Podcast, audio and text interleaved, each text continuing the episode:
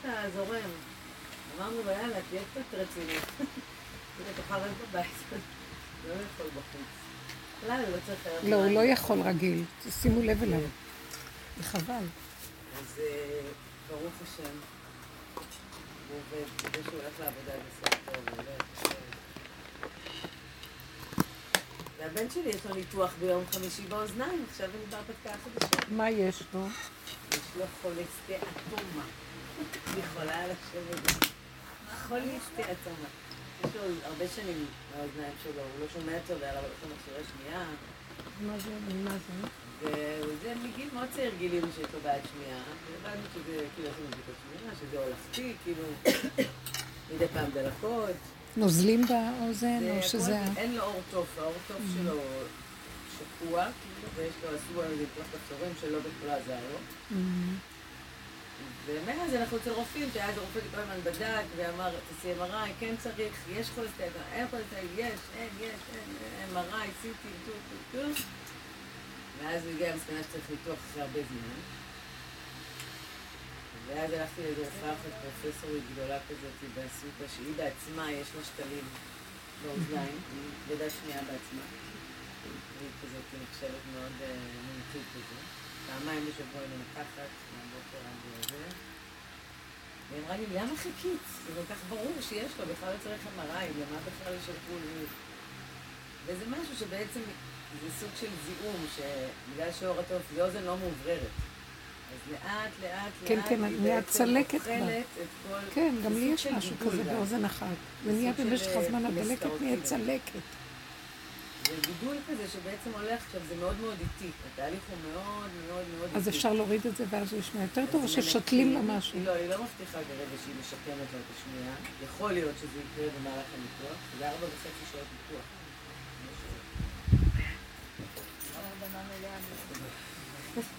זה אוזן, זה מקום מאוד מאוד מאוד עדין, כאילו זה הכל עם מוניטורים פה את חלל המוח, לקחת את עצבי פנים שעוברים שם, זה משהו שהוא ממש מאוד, צריך להיות מאוד אה, מדויק ואיטי, כאילו זה לא לבוא לחתוך ולהוציא, היא צריכה לנקות בעצם, אבל רק כשאתה פותח אתה רואה, כאילו אתה יש אומנם MRI, אבל כשאתה פותח את האוזן אתה מתחיל להבין דרך איפה יש עצמות שנפגעו אז למה כבר. שכבר לא ישתלו לו שם משהו שיוכל לשמוע? כי הוא עוד לא זקוק לשתל, הוא שומע. הוא גם לא שם את המכשירים, ואז בכלל היא אמרה לי שהמכשירים שהוא שם כל השנים, שהם בתוך האוזן, אז למה לא נתנו. לו? מה? למה נתנו לו אם הוא שומע? לא, הוא שומע עם ירידה, הוא לא שומע, יש לו 35 אחוז ירידה בשמיעה. שזה נחשב לא... אבל הוא מסתדר. גם הבת שלו... בוא נגיד שאם הייתי בעולם אחר, מתחת לרדאר, אז הוא לא היה עושה לי את זה. אני אגיד לכם, זה עולם שהוא עצבני במוח. תודעת עץ הדעת, היא עצבנית. היא בשיא מחול הברבור שלה, הסוף שלה, והיא מוציאה את כל הידע שלה. תראו את הבהלה לדעת שיש היום. אקדמיות, מכללות, כל ה- מה שקורה. מאוד... אנשים יודעים ויודעים ויודעים ויודעים עד שמתפוצצת הדעת. אז היא יודעת יותר מדי, ואין לה מנוחה. כי אם היא יודעת, אז היא צריכה לסדר. עכשיו, הידיעות שלה הן לא... הן לא ברורות. בגלל שיש ידע ויש גם דברים כן. הפוכים לידע. כל מה שהם יודעים, יש גם דבר הפוך לאותו ידע, שתדעו שזה ככה אצל מה דם. שמצחיק עם הניתוח הזה, וכל הסיפור הזה של הרפואה הוא מאוד מסוכן. אתה כאילו, את אותם סיכונים שיש בניתוח, זה אותם סיכונים אם לא תעשה את הניתוח. אז זה כאילו אתה כזה בסיטואציה שאין לך, אם לא תעשה, אז עצמות השם היה נפגעות וזה. אם לא תעשה, אז זה יכול לפגוע בעצם בפנים. אם לא תעשה, זה יכול להגיע למוח, כי זה זיהום זה. אם תעשה, גם בניתוח. יש... למה צריך ניתוחים? הם אוהבים לנתח. נותנים אנטיביוטיקה, הזיהום לא, לא זה תחליט. משהו שהוא פנימי, זה ניקיון, אין האנטיביוטיקה בעצם רק אה, זה, אבל הדבר הזה, אין, זה אוזן שלא מוציאה, אין לה שום הולכה של, אה, כל הקטע של האוזן שלנו שהיא כל הזמן מתאווררת ומתייבשת, זה אוזן שהיא, אני לא יודעת, אני לא יודעת. הם מוכרים לך את הכל ואת מאמינה, זה לא בדיוק ככה. היום פגשתי מישהי שעשתה לילד שלה בגיל 16, והיא אמרה לי שהוא ממש, כל העצמות שלו נרכבו שם, הם לא ידעו שיש את זה, והוא הפך להיות אה, כמעט, אה, הוא איבד הרבה מהשמיעה שלו, שני יעזור. אז אני- לא יודעת מה... תתני לו, תעשי. עשר, אני הגעתי אחרי שבאמת ברחתי מזה מלא זמן, והלכתי לרופא שאמר, ואמרתי, אני אשמע עוד חוות דעת, ואני... איזה נחה הייתי רוצה לעשות גם את השנייה. כאילו, אנחנו רק... שני יעזור. השני יעזור, הרבנית, אל תקפיץ לא, לא, לא, הכל בסדר. מה נעשה? מה אני. אעשה? לא, זה דור שיודע, אז הוא חייב כל הזמן למצוא פתרונות. לא חייבים, אתם יודעים משהו? בשיטה של עץ הדת יודעים, אז ישר המוח אומר, טוב, אז צריך לעשות משהו. לא חייב לעשות כלום, איפה שיודעים. התפילות מאוד טובות, ויש דרכים אחרות, שבני אדם יכולים לעזור לעצמם, לא בצורה הזאת שהדעת חושבת. אז הם נכנסים בצורה מאוד אגרסיבית, ניתוחים, והם אוהבים מאוד לנתח. מהר מאוד הם מכריזים על ניתוחים. זה השפה שלהם, רב אצלי. כן, כי הם למדו את זה, הם צריכים להפעיל את עצמם. בן אדם כמו קורבן. זה מה שהם לאחד זה מה זה נותנים שאמרתי, 11 זה מרגיש לי שנה. כמו יחידת יצחק, הניתוח הזה, כאילו, אני שמה לה את ה... למה... מה- לכי לעוד מומחית לפני שתחליטי. זה ביום חמישי, אבל אני לא יודעת. סופי. טוב, השם יצליח אותך וזהו. אמן. זה לא ניתוח מסוים, הרבה ילדים עושים אותו. השם זה יעזור. כן, אה, זה בסדר. באמת, זה. שכיח אצל ילדים, הסיפור הזה. כן, אז בסדר. אם זה שכיח וקיים, אז הם יודעים מה הם עושים.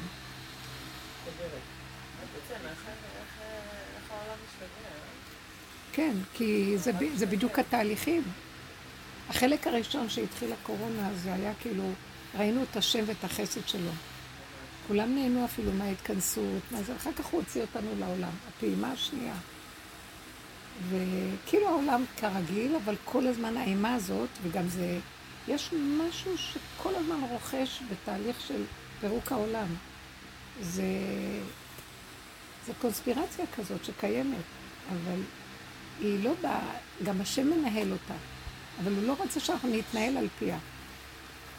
השם כאילו יורד לעולם, ויש כוחות שתמיד לוקחים את האור הזה וגונבים אותו כדי לפעול בו בעולם. ומה הם עושים בעולם? רוצים לשלוט בעולם, אז הם הורסים, רוצים להחריב ולהרוס. ובזמן שכשהשם מוריד אור כזה, הוא רוצה שהבן אדם יתבונן, שיהיה לו כלים לעבוד, שיהיה לו כלים. להיכנע לפני השם, להצטמצם, כמו הדרך שאנחנו עובדים בה. אבל העולם לא יודע את הדרך, אז הוא מפרש את זה, אז הכוחות האלה משתלטים על העולם שלא, אין לו, אין לה, העולם, למשל, אנחנו שהולכים בדרך ואלה שבאמת רציניים ומתעקשים, הם חייבים על החיים ועל המוות לסגור את המוח, לא לתת שום ממשות לעולם. זה מגיע למדרגות שאני לא מאמינה לכלום. לא מאמינה לשום דבר. לא מאמינה לכלום. אני, את קונה מוצר, את לא יודעת אם באמת מה שכתוב שם זה זה. אני לא מאמינה כבר. שום דבר. הפסקתי להיות. ואז אמרתי לעצמי, רק כשאת נזקקת, תבקשי מהשם רחמים וזהו. את יכולה גם להשתמש בדבר הכי פשוט, יותר טוב מה שתקני את הכי גדול, וזה יקר מאוד. כי את לא יודעת שום דבר. בדיוק שמעתי שיש סיפור של רבי נחמן על ישיבת הקבצנים ויש לו קמצן החירש. שהוא אומר שהוא בעצם לא רוצה לשמוע, כל מה שהוא שומע זה רק אנשים שכל הזמן בוכים. זה החירש, זה העיוור, הם לא עיוורים, הם לא חרשים, הם לא כלום, הם פשוט עושים את עצמם בעולם. זה. כי... אבל איך עושים את זה? לא נותנים למוח. אני שמה לב שזה כל הקטע. כשזה יורד, אסור לי להאמין למוח. אז איך אני אחיה עם הכאן ועכשיו, וטעים ונעים, והרגע, ואיך שזה ככה, והגולם הזה הוא הגבול הכי, אה, הוא הדיוק הכי גדול שאומר לי מה לעשות כל רגע. אם מישהו מציק לך. שהוא מציק. הוא מציק, למה שזה יהיה לי? את לא חייבת לקחת להצקה ולהכניס אותה. זה נקרא שאל תתני למוח לפרש, הוא מציק לי, מרגיז אותי, ואת מתגרה, הוא מגרה אותך, הוא מצליח אה, שהדיבור שלו ישפיע עלייך. אם את סוגרת את המוח, מה אכפת לך? אל תשימי לב לתוכן של הדברים, מה המשמעות שאומר, כלום. לא, את קשובה, ואת מפנימה, ואת אה, מפרקת את מה שהוא אומר, ואת מעבדת. לא איזה אנשים שתולים.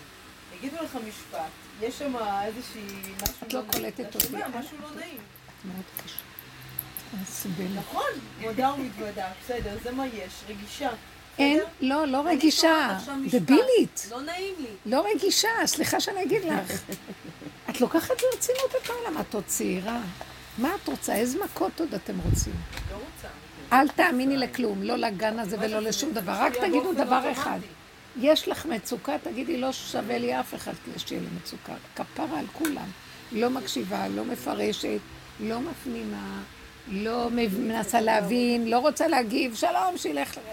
יצא לי, יצא לי, אחרי רגע לא מתרגשת מעצמי, אני כאילו עכשיו הוא. למה שאני אתרגש מעצמי שיצא לי? כאילו, לא להתרגש, למחוק את הרגש. עכשיו, הרגש בא כשהפרשנות של המוח מתחילה, אז אחר כך בא גם הרגש. אז זה אמונה במחשבה, ואחר כך הרגש מאמין גם. כי הפרשנות היא. אוטומטית, זה מה שאני מנסה להגיד לך. כן. אבל את יכולה להגיד, רגע, היא לא עושה לך מצוקה, את לא קולטת שיש לך מצוקה ממנה? בטח שכן, אבל זה באותו רגע כבר יש לי אותה. את צריכה להתמסר למצוקה. זאת אומרת, את צריכה להיות נאמנה למצוקה. לא, לא, לא, מותק שלי, רק לא מצוקה. תעשו מה שאתם רוצים, מצוקה. מנה לעצמי, לא למצוקה. בדיוק, להימנע, המצוקה היא איתות ששלחו לך כדי להיות נאמנה לעצמך. אז אני נאמנה לשליח הזה, ואני אומרת לו, טוב, טוב, טוב, טוב. למה שאני אסבול בכלל מישהו? אתם יודעים משהו? אני אדבר עד מחר, אבל החולשה גורמת, מביא את כולם למצב של חולשה עכשיו. כולם חלשים. אז האין כוח הזה, האין אונים הזה מאוד עוזר להישאר בגבול. אל... אה, אתם יודעים משהו? הייתי. בעלי לא הרגיש טוב, הוא מאוד מאוד חלש.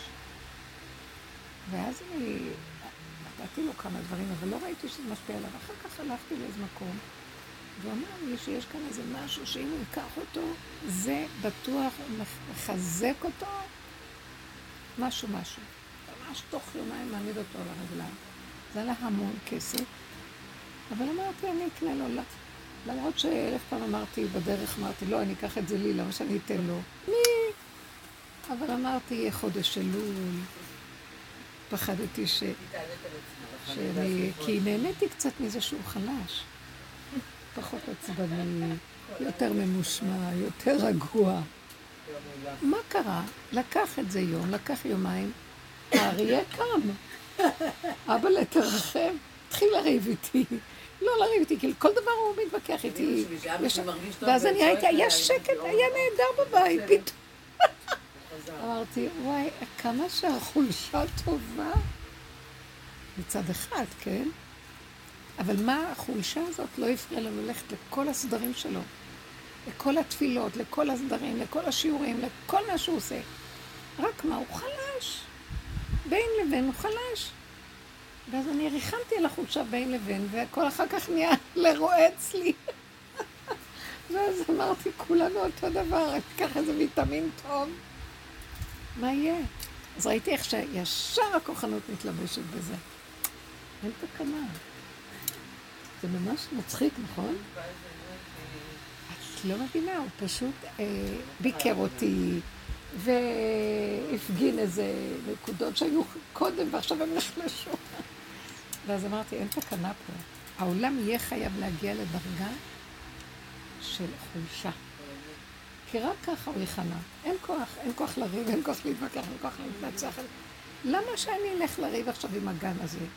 אומרת שהיא שלח את הילד למעון. והיא רואה בעליל שהמעון שם, ההנהגה שלהם מאוד נוקשה. ועם סדרים חזקים. והיא מפחדת, אין שם אהבה וחיבה ורקות לילדים. כן, כי הם, אה, הם הילדים, אה, שלוש בנות על ארבעים בנים, שלושים, אני לא יודעת כמה ילדים. מאוד קשה. והן מסכנות, ומשרד החינוך נותן להם עומס מאוד גדול של תוכניות. הם צריכים... בגלל הקורונה. אה? לא יודעת. אז למה מחזירים? זה מעצבן, כלום אי אפשר. אז בסדר, מה שראיתי הוא, אל תתלונני עליהם. אל תתרגשי ממה שאת רואה. גם אם הילד שלך, ישבה שם שלושה ימים וראתה. את רוצה, תשאיר אותו בבית, את לא רוצה, זה מה שיש. אם זה דברים נוראים, לא הייתי אומרת, אבל אי אפשר לשים את הראש בכל דבר, כי המוח שלנו כל כך נהיה נאור, שהוא רוצה מושלמות בכל דבר. פעם אנשים לא שמעו קצת, אז הילדים ידעו, הם לא שמעו מקטנות או לא ראו. אין כזה דבר. היום כל אחד טיפה לא רואה, חייב משקפיים, חייב אה, אה, זה מכשירים, חייב זה, חייב זה. אנשים חיו עם הפגם, והם נכנעו לו וחיו איתו, וזה היה הקשר שלהם. מציאות החיים הייתה נכנעת בגלל זה. היו נכנעים קצת. עכשיו הכוחנות, מכשיר יש לי, משקפיים יש לי. רגע, ייקחו לך את זה, ייקחו לך את התותבות, ייקחו לך את זה, לא, אין לך כלום, מה? ההפך, אני מרגישה חסרת אונים. אין לי מה לעשות. אני כאילו... אין גנים אחרים. במשך שבוע התחרבשתי, התחרבשתי, התחרבשתי. אז אם אין מה לעשות, זה מה יש. שאין לי מה להילחם. זה- זה הממסד. זה החיים. אז רגע, אז למה, את מבינה? יש משהו שאומר, זה נורא ואיום. גם זה תרבות שלמדנו, שאנחנו צריכים מושלמות, אז זה נורא ואיום שזה לא מושלם, כמו שסידרו לנו בחינוך, שזה צריך להיות מושלם. זה דור שכל הזמן מחפש מושלמות, כי פמפמו לנו את המוח במושלמות. פעם, מה זה? אתם לא מבינים, ההלכה השתגעה. פעם, אני אגיד לכם, על פי דין, כיור אחד, אפשר לשתות בו את כל ה... ספוג אחד, בשרי לחלבי, זה על פי הדין, אפשר הכל. הכל צריך, יכלו את אותו סיר 24 שעות, לא להשתמש, אחר כך להרתיח. היום לא, ומשתגעים והולכים, ואם אין לו את ההכשר המיוחד הזה, אנשים... כי המוח הוא משתלט עלינו ומשגע אותנו, ואז אין שלוות הנפש. לא נדרש, לא... רציתי לשאול, האם אני יכולה, ככלל, ללכת אה, עם הנוחות שלי? עם מה? עם הנוחות שלי. רק. לא, חמודה. בסדר. למה אני מתכוונת? נגיד בסיטואציה כזאת, בסדר? אני לא יכולה להיות אה, גולם, כי ישבתי שם שעה וחצי וראיתי בעיניים שלי. אני מה? לא יכולה להיות סתומה בכוח, בסדר? אני לא יכולה כאילו להגיד, אה כן, הן מקסימות מקסימות, ולראות אותה רק רוצה לקחת לי את הילד בכוח בידיים, ולא מנסה אפילו בטיפה, ואני עוד אומרת לה בצורה ברורה, תהיי לה קצת נחמדה, תגרמי לו ל- ל- לבוא, תתני לו משהו ש- ש- שיגרום לו לרצות כאילו להיכנס לגן. והיא, לא, לא, אין, אין זמן עכשיו, אין מה, זה, הוא צריך להיכנס וזהו, כאילו, אין עכשיו אה, זה. הן אפילו לא מסתירות את זה. זה מה שאני אומרת. אז השאלה היא, כאילו, אם אני רואה... אה, מה שהשם שחקניות הראה לי. מה שהשם הראה לי זה שכאילו, זה המצב, זה מה יש, אין לך גם אופציות אחרות, כי ניסיתי כל מיני אופציות. אין לך אחרות. אולי זה אופציה טוב השנייה, לילדים. זה טוב לא אופציה. לילדים, שהם צריכים לדעת גבול ולא יהיו מפונקים כל כך. זהו, אז ראיתי גם את הטוב שבזה. אמא לא יכולה, עכשיו אני הולך לגן, מספיק כבר לנו פינוקים, מה? יותר מדי אה, פינקנו את הכל, כל המערכות מאוד, אה, כאילו יש להם בחירה ורוצים. כן, אבל יש גבול מסוים. זהו, אז אמרתי, אז איך לא. אני אחליט? אז איך אני אחליט? כי- כי- כי אני תקועה. אני תקועה בין הפטיש לסדן, זה נבלה, זה טרפה, אז מה- איך אני אחליט? ואז אמרתי, לכי עם הנוחות שלך, מה הכי נוח לך? שימי אותו בגן. נכון.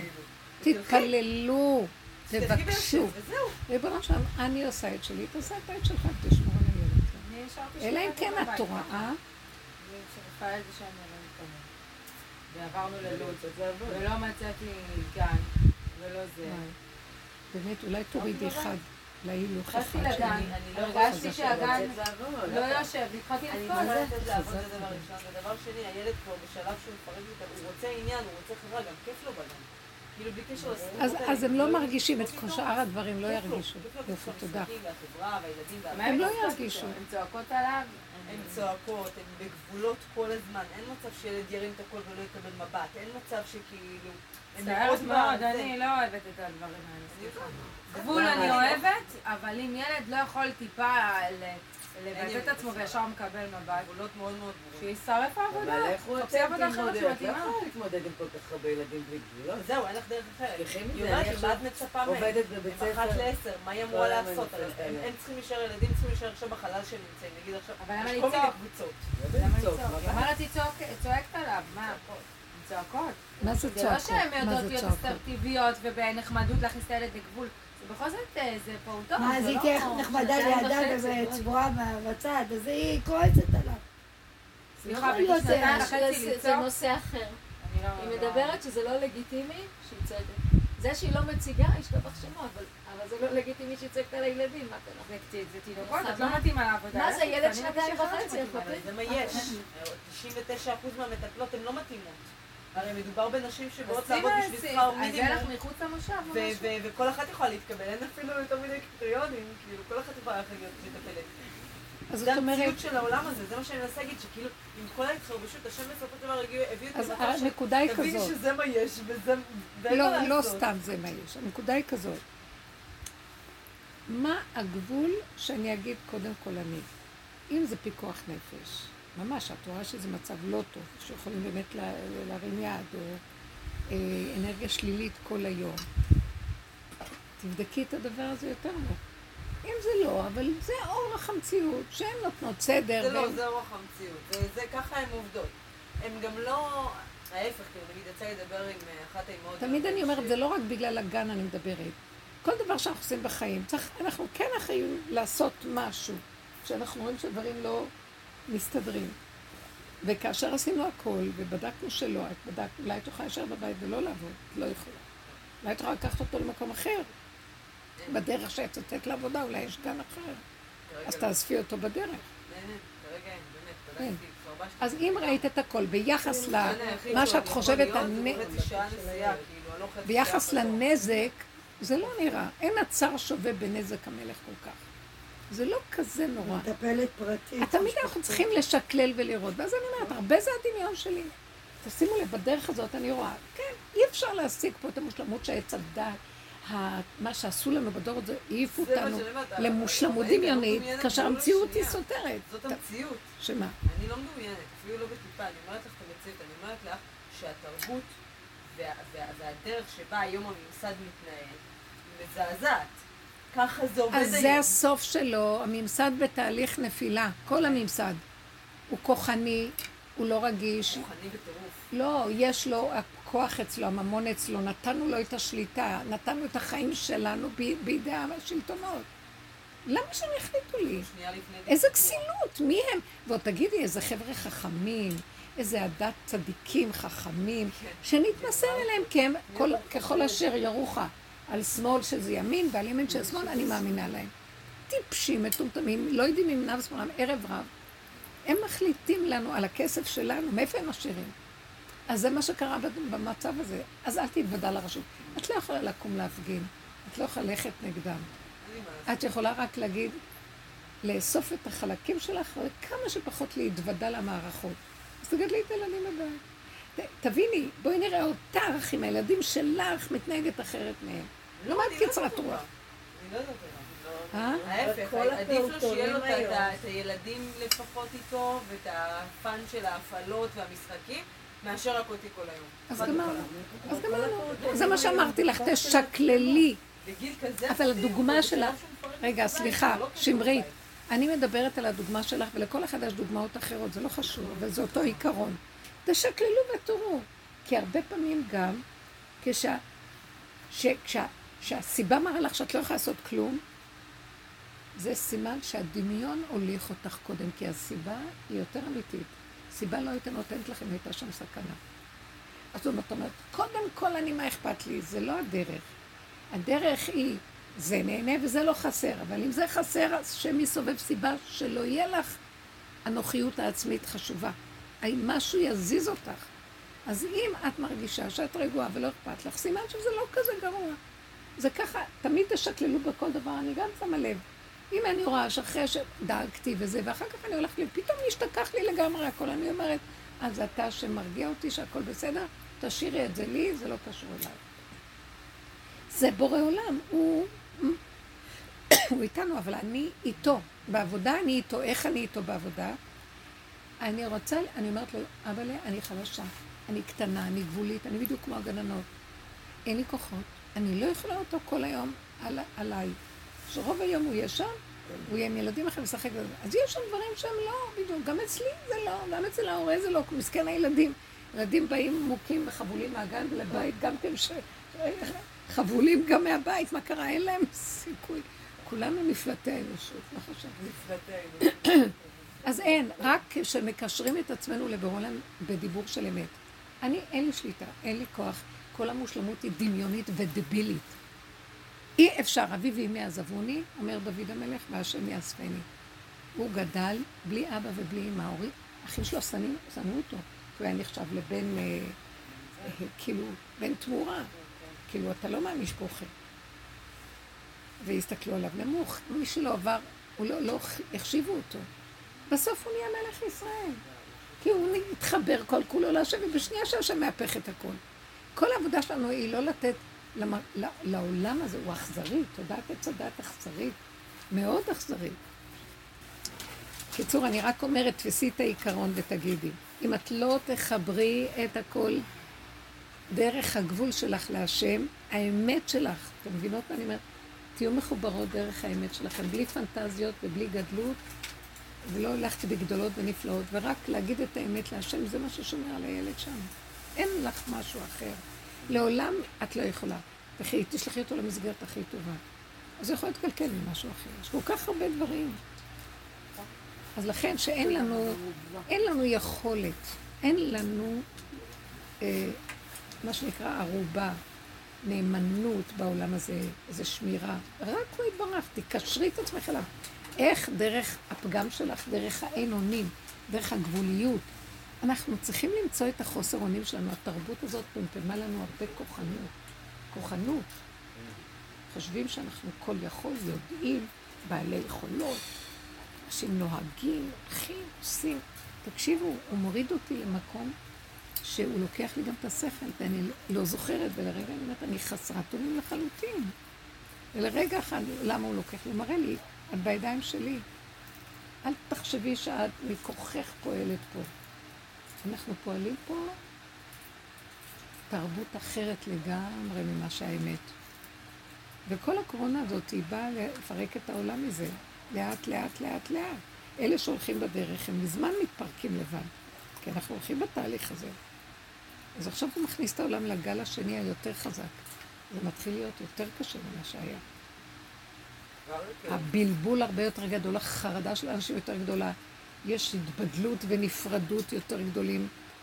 אני, אנרגיה מאוד מאוד שלילית במקומות הציבוריים. לא נעים בכלל. רק האנרגיה יכולה להחלות. עזבי עכשיו את הנגיף הקטן הזה.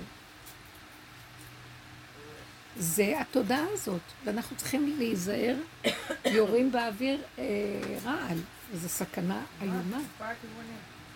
אני אומרת לכם שאני יודעת את זה. עליתי על אוטובוס לפני שלושה שבועות, שבועיים וחצי, שלושה. אה, הייתה לי, עכשיו, איך שעליתי, אני שומעת את הנהג, הנהג היה שלילי מאוד. עוד לא נסענו. כל מי שרק עלה, הוא העיר לו על משהו. עכשיו, איזו אישה, הוא שם לב דרך הרי שהיא אוכלת. התחיל לצעוק עליה, אסור לאכול, אסור לאכול, היא נחנקה כמעט. עכשיו, עכשיו הביס, היא עוד אוכלת, זה עוד ביד שלה. אמרתי לה שאסור לאכול, ממש אכזרי. ואז אומרים לו, טוב, מזגן חזק, חזק, חזק. אז אומרים לו, אפשר להוריד את המזגן? לא, אי אפשר. אפשר חלונות לפתוח? לא עשו, אי אפשר. אבל אמרו לו, אבל צריך שיהיה קצת פתוח. לא, לא עשו. כל מיני דברים שאי אפשר לתאר. ואני, ההתנהגות הייתה מאוד שלילית. הייתה לי מחשבה, חבל שלא השגחתי עליה. תרדי מהאוטובוס הזה. תרדי מהאוטובוס הזה. אבל נשארתי, קפאתי כל הדרך, והרגשתי מאוד מאוד לא טוב. הוא לא הפסיק להעיר לאנשים. אחר כך כשירדתי כבר הרגשתי חולה. וזהו, אחר כך נכנסתי לאיזה שבוע של חולי. ישבתי בבית, הגוף שלי היה קר, ותשישות, לא יודעת, האנרגיה השלילית שלו, אני מכירה את עצמי. לא קורונה ולא שום דבר. התשישות, ההתקררות והתשישות מהשלילה. אני מכירה את עצמי, כשאני רואה אנרגיה שלילית אצלי זה משפיע. יש משהו מאוד שצריך, ונהייתי עוד יותר פי, אני לא יודעת כמה רגיש על הדבר. ואז אמרתי לעצמי, אז את צריכה להיזהר. אה, נכנסתי, אני, במהלך הזה של הימים האלה לא יכולתי לאכול, ונגמלתי מהקפה. כאילו לבד, אני לא, לא, לא, לא שרציתי, לא הייתה לי תוכנית. אחרי איזה שבוע, כשנכנסתי לתחנה מרכזית, נכנסתי לארומה ורציתי לקחת לי. אני פשוט, החלב כנראה היה מקולקל. יצאתי משם וקיבלתי כאבי בטן נוראים. ואז כאילו, הוא אומר לי, אז אמרתי לו, אז למה לא הזהרת אותי קודם? כאילו, תשמור עליי. אז הוא כאילו אמר לי, אני רק רוצה שתדעי מבשרך, אם את לא תחווי את זה מהבשר, שתחי את הסכנה שלך, אל תיכנסי לשום מקומות ציבוריים. זאת אומרת, לא כמו קודם, אני לוקחת מפה איזה קפה, נכנסת לפה על איזה משהו, לא. תכנסי את עצמותייך ותלכי רק ליעד הקטן. הכלליות והציבוריות מאוד מסוכנת. ממש, הוא הבהיר לי. רק מה שאת צריכה באמת מדויק וזהו. אני אין, נגמרה התרחבות. אני. גם את להרים. את המוח לחשוב על הגננות זה התרחבות. אם את לא רואה פיקוח נפש זה התרחבות. זה כן, יכול לקרות לי גם, אני יכולה להיכנס למקום, אני עושה כמה דברים לבנות, כן. אני באה לתור, אני רואה את התור, אני עושה את הדברים והולכת, משהו לא לא מסתדר. לי, גם אני אני. כבר מזמן זה קורה לי. המוניות. לא- אני. המוניות לא בשבילי, טיק טיק וללכת. אין להשתהות, אין להתרווח, אין שום דבר. כבר קרה לי כמה פעמים שהוא מראה לי את זה, וכל מיני דברים כאלה. ואז ראיתי מה הוא אומר לי. התרבות שלכם היא תרבות תודעת עץ הדת. רחבה, גדולה, המונית, חברים של חברים וכולם וחבר... כאילו חברותיות ומה לא. זו תרבות פתוחה מדי, אתם, היא תאכל אתכם. עכשיו, הנחש הולך לעקוץ את עצמו. תיזהרו מזה. כל המקומות הציבוריים מסוכנים. אני אומרת לכם, בגלל זה, אומרת, ניתוחים, עניינים, השם ישמור עלייך, ובאמת יהיה לעניין ולתכלית. כי אין ברירה. אבל תלכי גם לשם בריכוזיות. אל תבטחי ואל תב... בנדיבים ולא לא ברופאים ולא בשום דבר, רק בורא עולם. לא. זהו. ברמה ממש... אה, רק אבא אליך. רק אבא אליך. עכשיו, אתמול בכלל, שלשום התעצבנתי על הקדוש ברוך הוא ברמה. הלכתי לעשות עם הילד שלי מסכן איזה בדיקת דם. הוציאה לו מבחנה, הפסיק הדם. למי? לילד, והיא צריכה עוד מבחנה, ואם התחילה לשחק עם זה, לא יוצא דם. מנסים עוד מקום, ואני איתה, כדי כדי לגמור עם זה, אומרת לה, טוב, תנסי פה, תנסי פה. אני מסתירה? לא, לא, לא, גם תקחי, תקחי, אני ככה אעשה. אני מסתירה הגענו יותר? לשש דקירות. וואו. ואז הרמת תגיד, ריבונו של עולם, מה? מה, כאילו, מה, לא מבינה את זה, ילד בן תשע וחצי, מה הסרט פה עכשיו? אני צריכה להבין איזה סרט. איך יכול להיות שאני דוקרת אותו שש פעמים בבדיקות דם? אם מישהו עושה לי את זה, הייתי הורגת אותו, כאילו. והוא גם נותן לי כל פעם, אנחנו עושים את היד הזאת, את היד הזאת, והיא מנסה, ודוחפת וזה, ולא נכנסת, ולא... וכאילו, אני רואה את זה במעצבים, ואני אומרת, איך אי אפשר לסמוך עליהם מסוכן על המקום. מציאות כזאת הזויה. כמה שפחות להיות שם ולמה ואז הרופאה. אמרה לי, למה נתת להם? פעמיים לא מצליח, קומי ותלכי. כן.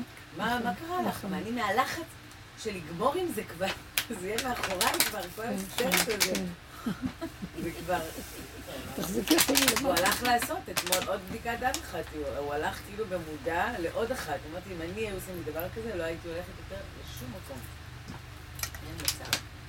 כי אנחנו כבר על. הקצה והוא עוד מתחיל רק את ה... הוא מאוד. נכנע, הוא באופן כללי, הוא גם על הניתוח, הוא כאילו לא... לא, אבל לא לחשוב, בסדר, לא בסדר. כאילו להתפתח אני. לא אומרת, נכון, גם בתוך המצב הזה יכול להיות מצב אחר. בוא נגיד, נצייר ציור שאנחנו נמצאים תחת מצב כזה. ואז אם הבן אדם, שימו לב, יורד מתודעת עץ הדת, לא יכול לסבול, לא יכול לסבול, אני קמה והולכת. לא. נותנת את הנפש שלי לבורא עולם, ואני אומרת לו, אני לא יכולה להכיל, תחזיק אותי. אתה יכול ברגע אחד פתאום להקים, או שזה יסתדר, או שאתה תגיד משהו חזק, והרופא יגיד, אני לא יכול, מפסיקים. או אני אקום ואלך.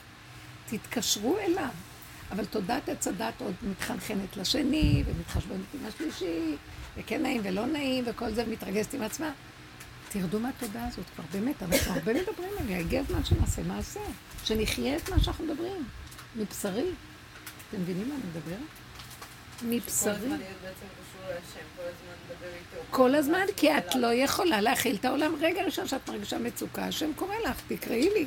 זהו, זה אני מביא לך להגיד לך, שכאילו כל הזמן אני רואה שהשם מראה לי עוד סיטואציות הזויות של העולם, עוד דברים מזעזעים בעולם, עוד אכזריות של העולם. רגע את המים. הזמן- למה את רואה? השם לא מראה לך, את רואה. לא, אני לא צריכה יותר מדי, הנה בבקשה עוד סיפור ועוד סיפור ועוד סיפור ועוד סיפור. לא, אני לא שומעת שום עובד. סיפור, אני לא שומעת סיפורים. אני לא, אני שומעת כאילו עושה לה לה לה לה לה לה לה. מה אכפת לך שכולם יגידו לה לה לה ותזמורת? מה זה קשור אלייך? תשמעי סיפורים ואל תפנימי. מה את לוקחת את זה ברצינות? תבינו מה אני אומרת, העולם, אנחנו לוקחים ברצינות ופותחים כל מיני תוכניות ומסתכלים. תקשיבו, יש איזה גבול שאתם ממש, מה אני אגיד לכם? אני רוצה להגיד לכם משהו. מוכנות לשמוע אותי? אני, השם הוריד אותי מהמקום איפה שהייתי פעם. אני הייתי מדברת רק לקהל חרדי, למורות, קהל חרדי, הכל. הוא אמר לי, לכי, במקום להיות זנב לאריות, תהיי ראש לשועלים, תרדי. תרדי ותתחילי לדבר את הדרך, כי את הדרך יקבלו דווקא אלה ואלה ששם לא יקבלו. אז הייתי מדברת בצורה תורנית, ליטאית, הכל רגיל. בקיצור, ירדתי והגעתי לכל מיני מקומות. ויש הבדל בין הציבור החרדי לציבור הרגיל. יש משהו בציבור החרדי שצורת החינוך היא, יש חוקים, יש משטר פנימי מאוד חזק, יש היררכיה שמקבלים, שמחויבים, יש איפוק והכלה מאוד גדולים כתוצאה מהחינוך, מקיום המצוות, מדברים שלכם. את מגיעה, אני אגיד לכם, הגעתי להרבה קהלים. עכשיו, מאחר ואני בתפקיד, מה הוא אמר לי? קודם כל תראי את עצמך, לא אותה. אז מה שאת רואה ולא נראה לך, תראי שזה. זה מאוד מאוד עזר לי. והייתי צוחקת בלי סוף. זה אפילו היה לי שעשוע. אבל ברבות הזמן אני התחלתי להבחין מי אלה בתוך כל אלה, הסגנונות השונים שהן באמת רציניות והן עובדות, שמגיעות בעבודת, בעבודתם, זו עבודת העבודות לרמה של אלה שבאופן טבעי באו מבית שיש להם אה, יכולי טיפוק והכלה ומשהו מסוג איך הפנמה גדולה, סדר ומשמעת פנימית מאוד גדולים. אז אלה שלקחו את העבודה ברצינות, אני רואה הם התהפכו בפנים. הן עובדות, הן מאופקות, הן מכילות, הן שומעות. הן שומעות שאומרים, אז לחיות הסכנה זה לחיות הסכנה. לא להתערבב בעולם, אז זה לא להתערבב. אני כאילו מרגישה, יש, יש כאלה שאני הולכת, ואני מרגישה שלא השתנה כלום, בלה בלה בלה בלה, ואנשים מתרחבים ואומרים ועושים. תקשיבו, אבל אנחנו שנים מדברות. לאן אתם חושבים שאתם רוצים להגיע? אני רוצה להגיד לך, שמרית, את צריכה להבין שאת מחויבת לדרך. הדרך הזאת דורשת שתקיימי מה שאומרים. א', העולם דבילי. אנחנו מדברים על זה בלי סוף, חקרנו אותו, פירקנו אותו, דומה בדומה מתקן. היינו צריכים להיות בו כדי לראות את הפגמים שלנו ולעבוד עליהם. הגענו למקום ואתן נוקבות שמה שלא עשינו מעוות לא יוכל לתקון, הגלגל הזה לא יפסיק, זה מנגנון. אנחנו תמיד, הוא יקרבן אותנו ותמיד הוא יפיל אותנו בתוך זה. אז אמרתי, תעצור את הגלגל, אין לי כוחות, תשש כוחי, כלו עיניי, מייחל לאלוקיי, והתוכנה הזאת מתחדשת עליה חדשות לבקרים, עם ראשים, מאיפה היא מוציאה לי אותם? ואין לי כוח אליה כבר. תוריד אותי, התחננתי, אני כבר חלשה, אין לי כוח. הם יהרגו אותי, תציל אותי. חייתי את הסכנה מאוד. אז במהלך הזה, מה אני רוצה להגיד לכם? אז בנות, לא, לא רק, כל מיני, מספרות לי, אה, למשל שואלת אותי בשידור, אולי שמעתי, מה דעתך על, על האלה שיש תוכנית כזאת של, אה, שצוחקים על קודשי ישראל? זה נורא ואיום, היא אומרת. והרב הזה מאוד כעס. ואני שומעת את השאלה. ברור שאני יכולה להיכנס ולתת לה תשובה מהעולם. פתאום אני, התשובה שיצאה לי ישר על סליחה, מה חדש? כל העולם הזה זה ליצנות אחת גדולה. מה פתאום תפסתם איזו קבוצה שעושה צחוק מקודשי ישראל? כאילו כל השאר הם נהדרים, הם מכבדים את השבת, הם מכבדים את, את העניינים, מכבדים את הזה. חרדים נחשבים לי, ערבים וחרדים קרוב איכשהו. זאת אומרת, מה את קמה ופתאום דואגת לקודשי ישראל? אולי תחשבי אחרת. אולי אנחנו, כל הקבוצות האלה, שחושבים שהם צדיקים, מזלזלים בקודשי ישראל. בגלל שאנחנו יודעים קודשי ישראל וחיים אחרת. אנחנו יודעים ולא מכבדים את קודשי ישראל. כל אחד הולך עם המידות שלו ומה שהוא רוצה עושה, וזה הביזיון הכי גדול, שאחד שלומד תורה, או אחד שיש לו מצוות, יעשה מעשים לא, לא לעניין. או שכל אחד יודע את רחשי ליבו. אז אולי אנחנו צריכים להסתכל על עצמנו שהשם שלחנו את הקבוצה הזאת. הוא אומר, אתם חושבים שהם צוחקים על קודשי ישראל, שלחתי אותם, שתראו את עצמכם, אתם גורמים שהם יגיעו לעולם.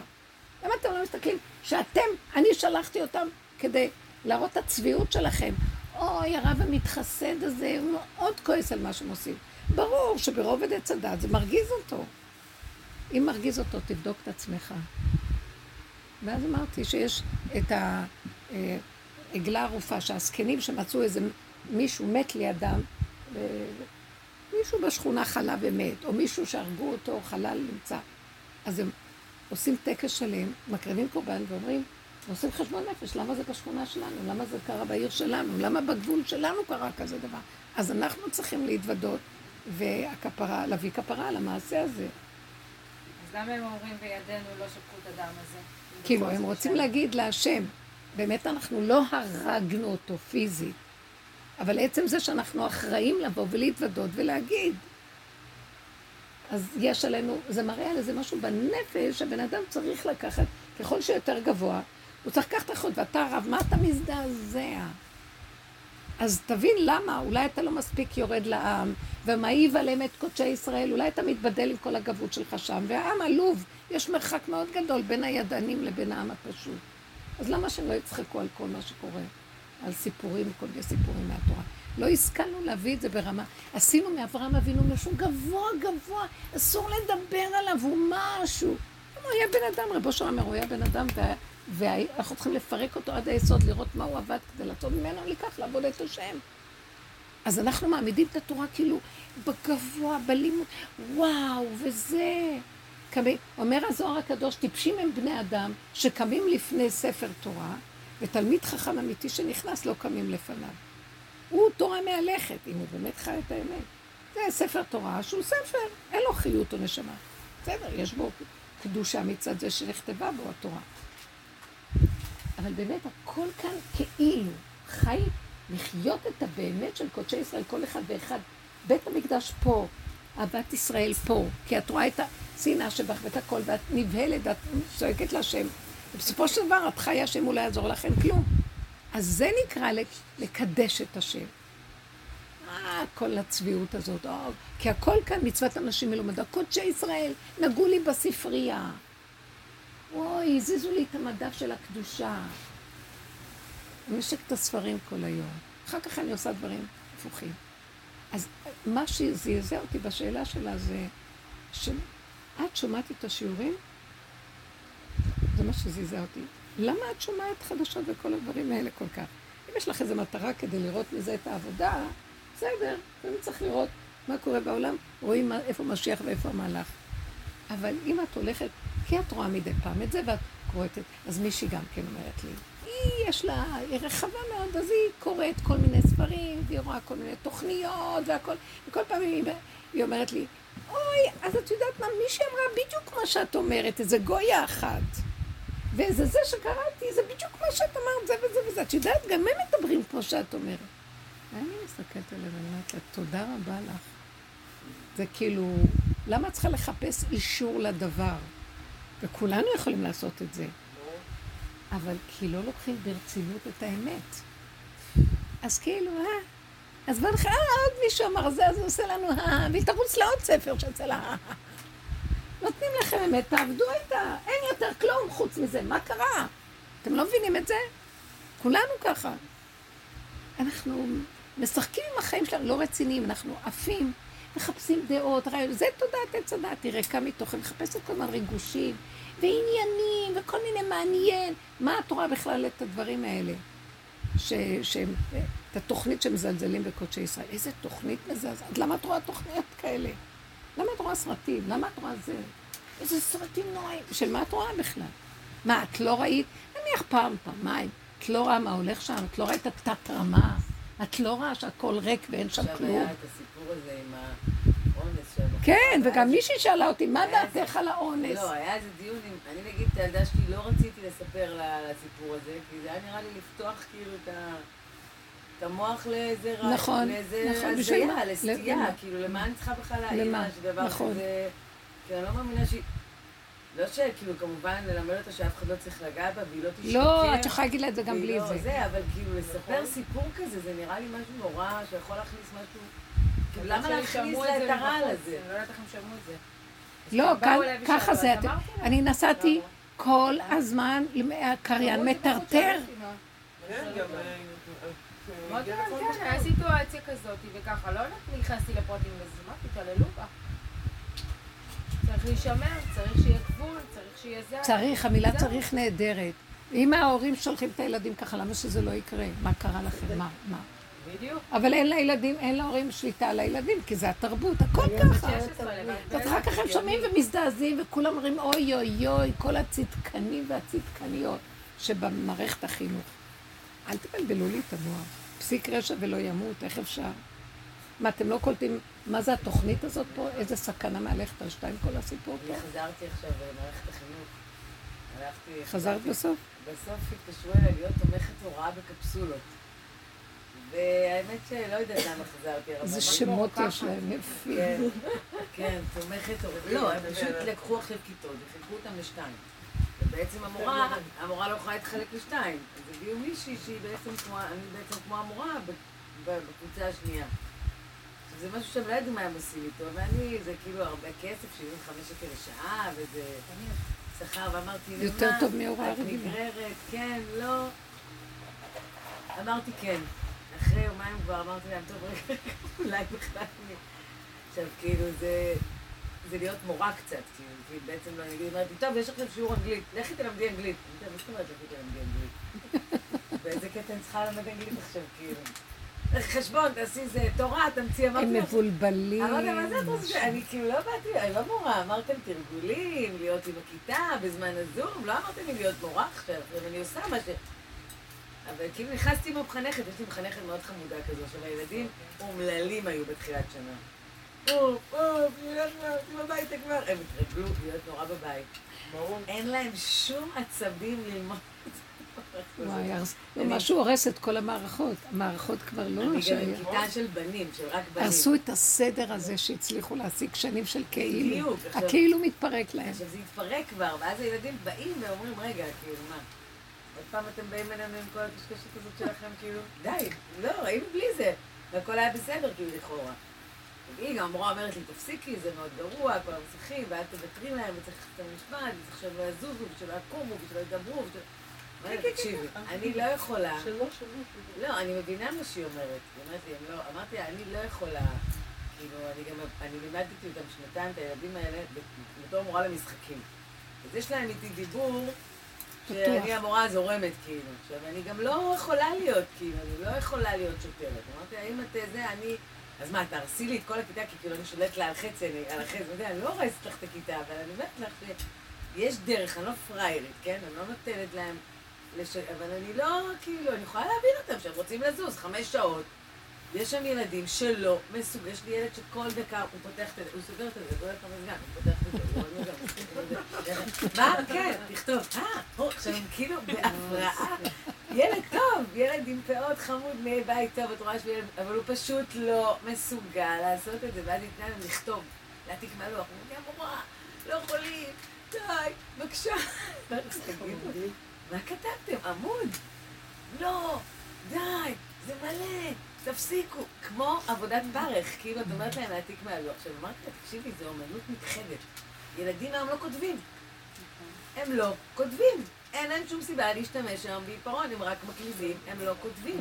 ההורים שלהם מקלידים, כולם על מחשבים, והם לא מבינים למה הם צריכים לכתוב, כאילו. הם עושים את זה רק בשביל הבית ספר.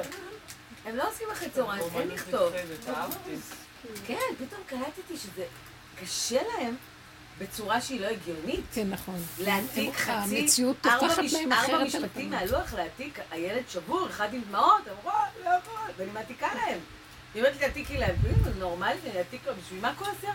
תצלמי את זה, למה אני צריך להעתיק? תצלמי את זה לאמא שלכם. צריך לקום כאילו, איזה אחד וליצור אפשר את המערכות לצלם. למה אתם מציקים לנו?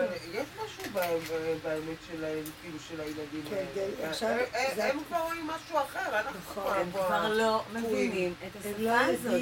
את יודעת, אנחנו חופרים להם על אלול ועל זה, והם כאילו, "אה, אה, מה אלול, מה תש... תני לי ללכת לשחק בפלייסטיישן. ורק זה, באמת, אה, יש משהו מאוד, אתם לא קולטות. כל המהלך הזה של כל המחשבים האלה שהילדים. משחקים איתם, המכשירים השונים, זה מהשם, זה נראה נורא, כולם צועקים בעולם החרדי. זהו, היא אומרת לי, לא, לא, זה המוח שמפיל אותם, אבל... ילדים שלא זה. לא, למה? כי הוא שואב להם את המוח. נכון? המוח של עץ הדעת נופל. אנחנו היינו צריכים לעבוד קשה, אחר כך השם אומר, טוב, אתם עבדתם קשה. בבחירה, לא, הוא שואב להם את המוח, הוא פשוט עוקץ אותם. זה הנחש מזה, נוגע פה, והוא עוקץ להם את ה... זה נגמר, והילדים האלה יוצאים ריקים מתוכן, לא מסוגלים אחר כך להתרכז בכלום. אבל הם ילדים מאוד חכמים. הם נהדרים, לא, יש להם... למה? זה בדיוק מה שקורה לנו. זה מה. שקרה לי, עץ הדעת נופל לי, ונהייתי אבלה, מה? סליחה. כאילו, אתן אני לא זוכרת, אני לא יודעת. הרבה מהידע שלי נופל. זה-. יש להם איזשהו משהו. שהוא... שאין מה לעשות. אחד, כל דבר שאת מעירה לו, בוכה כולו מסכן, אומר לה, לא יוצא לך כלום. אל תוותרי לו, שישב, אל תוותרי. לו, מה אני אעשה איתו מסכן? והיום אמרתי להם, כולה חמש שעות ביקשו מכם ללמוד. די, תהיו קצת רציניים. אמרתי להם, איזה אתם כיתה? גברים גם. איזה כיתה זאת? ג', אמרתי להם, ההורים שלכם הולכים בוקר עד לילה עובדים, די, קצת, חמש שעות, אתם מפונים, כל יש לכם מקבלים עד, איזה, האוכל, המים, אז קונים לכם, מביאים לכם. חמש שעות, תתאמצו קצת, מה אין קרה? להם אה, סבלנות, אין אין להם להם מחלה. שום יכולת להכיל רגע אחד שלא בא להם את מה שבא להם. נכון. כדור, בחוץ, לרוץ. הם יוצאים אותם החוצה, הם רק רצים, רצים, נכון. רצים, סתם רצים, רצים. תופסים אחד שני, רצים, רצים. אז ההפסקות האלה, על הרבע שעה של התאכל, תצא, תצא. לא, היום הם צריכים להיות, תודעת עץ הדת נופלת, ורק הטבע פשוט. התנועה, הדחפים היצריים, אה, לעבוד את האדמה, לעשות נורא קשה, פעולות. שעובדת איתי והיא חרדית. כזאת, שהיא מאוד, אה, חשוב לה כאילו, מה, היא אומרת לי, אנשים מצליחים, מה עם האקדמיה והאוניברסיטה, אמרתי לה, איזה אוי, איזה אקדמיה? חיה בסרט. אחותי האקדמיה פושטת את הרגל, היא גם אומרת לך, תפסיקי, תפסיקי, מתחברת. כן, באת לה עם ה-peace and love שלך. הרגת אותה? לגמרי. כן, את בכלל. אני לא. הרימו את הראש על העולם, פתאום יש עולם ואקדמיה.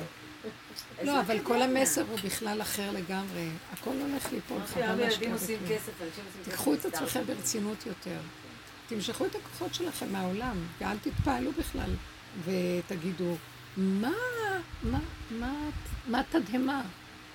מה, על מה התימהון? ברור שזה ככה שמה. אין בכלל שאלות ואין תשובות. שערו עם היחידה שלכם חזק, ומחוברים פה, ואם יש איזה מצוקה או משהו, תדעו שהשם שומר לכם לא להתערבב, ותבקשו רחמים.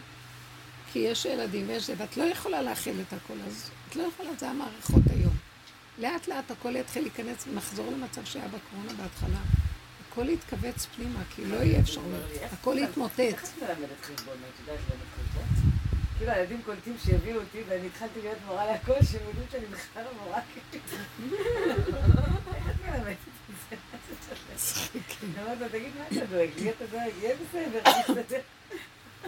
אנחנו התחלנו שנה שחצי מהספרים אין. אין לילדים שלי, חצי מהספרי לימוד. פה היה חסר, פה היה זה, לא, אין לזה, אל. תקנו, אל תקנו, זה אני רמאות אחת גדולה. בחנות ספרים רמאות אחת גדולה. את מה שאת אומרת, הייתי בחנות שקונים ספרים בקיץ, ואמרתי, זה חמור מוסס. עד מתי ימכרו פה את הכמויות ספרים, דפים על דפים על דפים? די, וילדים די, זה הולך לא ליפול, זה הולך. ליפול, זה הם הולך לא ליפול. קוראים וכולם סוחבים את זה על הגב, וואי. מסכנים הילדים זה היה נראה לי הקטנים. הזיה, כאילו סגרו, אבל אני לא מבינה, לא בבתי הספר, למה לא משתמשים במחשבים? זה יותר נכון. אז מנסים, אבל נגיד המורה לתורה, הוא אומר לי, מה מה את שאני אעשה? אני אלמד בזום, כאילו חצי כיתה, איך אני...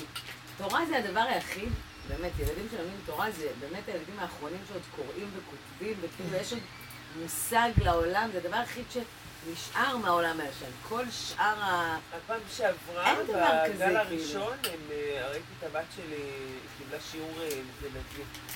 הרב, אה, הרב של בית ספר הכין סרטון, אני ממש נהניתי, על דוד המלך, ואיך שהוא יצא וכבש ונרדף אחריו, הוא מראה כאילו את הקפקוף, איפה אה, סרט, סרטון. סרט, זה מה שהם. מבינים היום. ואת יודעת איך למה לא? זו? המחשה יפה. אז הנה, עכשיו... אני לא מבינה למה הם משתמשים, אצלי בהפסקת לימוד." אוכל הם אוהבים לראות סרט. לא. נגמר עץ הדעת. עץ הדעת למדו את האותיות, ופעם, אז עכשיו זה הולך ליפול, כי אצל החרדים הכי מפחדים מהאינטרנט, כי עוד מחזיקים כן? שצריך להיות דעת. וללמוד בדעת, כי זה מה שמפיל את עץ הדעת, אבל השם אומר, די, כבר עשו את כל העבודות, נגמרו. התיקונים, לא צריך... אתם יודעים, שאמרתי, אמרתי, נגמרו התיקונים, אמרת לי, למה נגמרו? אמרתי לה, סליחה, כשנקראות לך נעליים את הולכת לתקן? קונים חדשים היום. אף אחד לא לוקח לתיקונים כלום. נגמרו התיקונים. היא הסתכלה עליי ככה. היום אנשים לא לוקחים בגדים לתיקון. קונים חדש. לא, נגמרו התיקונים. זהו, עכשיו המוח רוצה ליפול, ובקלות הכל יגיע עד אליו. כמו שאנחנו מגיעים. אני גם כן מגיעה למקום שאני לא רוצה להתאמץ על כלום. תן לי את החוכמה ברגע שאני צריכה אותה. תן לי, בא לי איזה מצווה, תן לי את החשק לקיים אותה. אני לא מוכנה להיאבק עם היצרה שלי, אין לי כוח. אני, היה לי כאבי ראש נוראים בגלל הקפה, לא ידעתי מאיפה, ששכבתי, אחרי ארבעה ימים התחילו כאבי ראש. ואמרתי, אוי ואבוי, אז מישהי אומרת לי, בני משפחתי כל הזמן ערבו לי. אה, אולי זה הקורונה. אמרתי, אבא, אבא, אל תפק זממם, הם מתים שאני כבר אמות ולא יעזור. תרחם עליי ואל תיתן להם. לא, כאילו, אה, הכנענו את הזאתי שהזקנה הזאת שלא לא מפסיקה לרוץ. אמרתי להם, זה הכוח של משיח בתוכי מקשקש. מה אתם בכלל מבינים? זה לא בכלל טבע. לא, אז כל הזמן מחפשים איזה, אה, זה אולי הקורונה, שיעול הזה, אולי זה זה. אז התחננתי להשם, ואז אמרתי לו, ריבונו של עולם, אני טיפת כאב לא יכולה לסבול, קח אותי מהעולם, באמת, אני לא מסוגלת לסבול כאבים כבר. הגוף שלי כל כך נחלש, אני לא יכולה. תרחם עליי, אם יהיו כאבים, אני לא יכולה להכיל אותם. אז ככה זה ממני, וזהו. אם אתה משאיר אותי, שיהיה לי חיים טובים, רגועים, כאן ועכשיו, מתוק, לפי הגדר. לא מחפשת גדולות ונצורות. אבל כאבים לא, אני לא יכולה, מצוקות, אני לא יכולה. תלכו עם העניין הזה, תעבדו עם העניין של הגבוליות. אני אומרת לכם, הכל מתחיל להיות קרוב, קרוב, קרוב, קרוב. מה זה קרוב? אבל אז הייתה לי מחשבה רבנית שאני אעזוב את זה. ולא יודעת, לא החלטתי מה לעשות עם זה. את לא יכולה, אני כאילו, מצד חושבת, אחד הרגשתי שאני לא יכולה להיות במערכת הזאת. אני מבינה אותך. מי שנכנס בעבודה הזאת מתחיל להיות אמיתי עם עצמו, הוא לא יכול לעשות דבר נגד עצמו. תמצאי איך להתפרנס דבר שאת אוהבת כאילו, בקלות. יש פה איזה משהו שאני אומרת, כאילו, אולי את כן, אה, כאילו, אם- השם זימן את הסיבה הזאת שאת מגיעה למקום הזה בשביל כן לעשות איזשהו משהו שהוא, כאילו... לא לא, יודעת, אני כבר לא, אנחנו כבר לא אומרים השם זימן את הסיבה. לא יודעת, לא יודעת. את. קובעת. לפי הגדר שלך, הגבול שלך, הכוחות שלך, האמת שלך. אם את רואה שזה מצוקה, כל יום להיכנס לכזאת כיתה, או כל פעם זה משהו אחר, אני לא יודעת, זו אותה כיתה כל הזמן. זה התחיל עכשיו, כאילו, את יודעת, זה גם, יש לזה, בהתחלה אתה כזה, יש את ה... זה, ואז מתחיל להיכנס איזשהו... לא יודעת, אמרתי, אני באמת, הם מאוד רוצים שאני אשאר מן הסתם, היא הכי, כאילו, מבחינתה זה... אז אולי תתני את את התוכנית שלך ולא מה שהם אומרים לך אז ללמד. זהו, שגם אין תעשי מה. שכיף לך. לא. לא, אני לא יכולה לעשות מה שכיף לי, אה, מה שאני רוצה, לא, לא, לא, תקשיבי לי. תקשיבי לי. אה, תקשיבי לי. את, הם אומרים לך ללמד, את צריכה לקחת את הלימוד ולעשות אותו חווייתי, כי יש לך את התנועה החווייתית. יש לה את זה. כן. תעשי את זה כמשחק, תעשי את זה כהצגה, תעשי את זה כאיזה אה, משהו שמשעשע את הילדים. מה את מאמינה לכל החומר, חומר, חומר? לא. מסכנים, למה הם צריכים להעתיק זה, מהלוח? תקשיבי, זה אין מה, זה איך היא אמרה לי היום? לא, זה שיעורי בית. שההורים יראו שיעורי בית. הם לא ראו כבר שבוע שיעורי בית. חשוב שיהיה להם שיעורי בית. או, זה אצלם, זה רושם, זה זה ההורים, כי ההורים. זה הכל משחקי, זה היא עומדת בתוך ההורים, כל היום מתקשרים. למה את לא יכולה לעמוד מולם, תקשיבי, ולהגיד לה את האמת? תגידי לה, אל תפריעו לי, נתתם לי כיתה, אתם רוצים שהם ילמדו, תנו לי איך לעשות את זה, זה שייך אליי. נתת לי את המטלה, אל תגידי לי איך לעשות את זה. כי בהגדרה של המורה היא האחראית ואני רק העוזרת שלה. זה ה... אני עדיין עושה איך שאני, כן? למשל, אני אוהבת לשים להם, כשהם אוכלים, אני שמה להם איזה סרט, משהו יצור משלנו, חינוכי, ערוץ, כאילו, תורה. כאילו סיפורים כאלה, דברים איזה. ככה הם תמיד יושבים גם בשקט, כי הם בנים, הם מתרכזים באוכל. פתאום היא הופיעה, אה, זה תלמוד תורה, לא רואים בסרטים. וואו, היא סותרת אותך. לא, עכשיו זה ילדים שהם כולם בבית רואים סרטים, זה לא תלמוד תורה של בני ברק, זה. תלמוד תורה שכולם רואים סרטים. לא, שיתרכזו, זה לא מכובד, בזמן האוכל מתרכזים באוכל. אוי, או, באמת. אה, זה המערכת, זה המערכת. אז תחשבי אם זה אנחנו שם. מדברים. תחשבי אם זה מתאים לך. מבחינה בריאותית. היא גם צריכה לראות פה את האינטרס שלה. מבחינתה זה, יש לה משכורת, יש לה תפקיד. לא, היא לא, גם, לא כל כך היא פשוט חרדית גם. כזאת שבאמת מאמינה בזה. זה לא כזה, היא באה עם, יש לה אג'נדה גם, הבית שלה, כאילו, היא מאוד משתדלת. זה בסדר, אני יכולה להבין, אליה, את אומרת, מבחינה בריאותית, נכון? ילד לא צריך כל הזמן לאכול עם הס... לא יודעת. אני כבר לא יודעת מה זה. ראיתי איזה מערכון שאיזה ילד בא לי ואומר לי, אמא, לך תתמכר למשהו, לך, לך, לך. לך תמצא משהו להתמכר, ואז אל תבוא לפגוש אותך. כי תמיד כשהם יוצאים מהמחשב, פתאום נזכרים שהם רעבים, שהם חיים. אז יש לא- שקט, יש לך נכון. שקט. אבל ממש, אני אני אומרת לך שבפני תתמכר למשהו. איזה חמודה. את יודעת, אה, אה, הבן שלי עכשיו עלה לכיתה ד', הם קיבלו מחנך, אה, רב, מחנך, בחור שיגע, לא יודעת אם יש לו 24 בנים. לדעתי, לבנים זה הכי טוב, רבנים, יותר מבנים. אני לא יודעת אם יש לו 24, אוקיי? הבן שלי מספר לי כל יום, הוא מגיע עם כלי נגינה אחר. והוא ככה מעביר להם את התפילה בבוקר, הם משוגעים עליו. לא, זה כבר דור שרוצה... מפוחית, גיטרה, אומר לי... למה "אמא, לא? את- אני אומרת לך, תגידי מנגן?" להם, תנו לי ללמד איך שאני אוהבת. תגידי למורה. לא. מה הראית להם הוא בסרט? שואב? ככה. מ- קודם כל הוא מאפנט אותם על הבוקר ככה עם התפילה, היא ואז לא אפשר רוצה עקרונית. שהם יצפו במשהו תוך כדי אכילה. אז אולי באמת לא בזמן האוכל עצמו. אז אולי בזמן אחר, חלק מהשיעור, שיבוא לא, איזה יש סרט. דברים שמראים. כאילו, אה, ב- מחר בא אלינו הרב לאו. אז בלימודים מראים. מי זה, להם על הרב לאו, תגיד שככה וככה. תספרי להם סיפורי אני לא יודעת, צדיקים, כאילו, תספרי להם על גדולי ישראל, תספרי להם על דברים יפים, למה לא?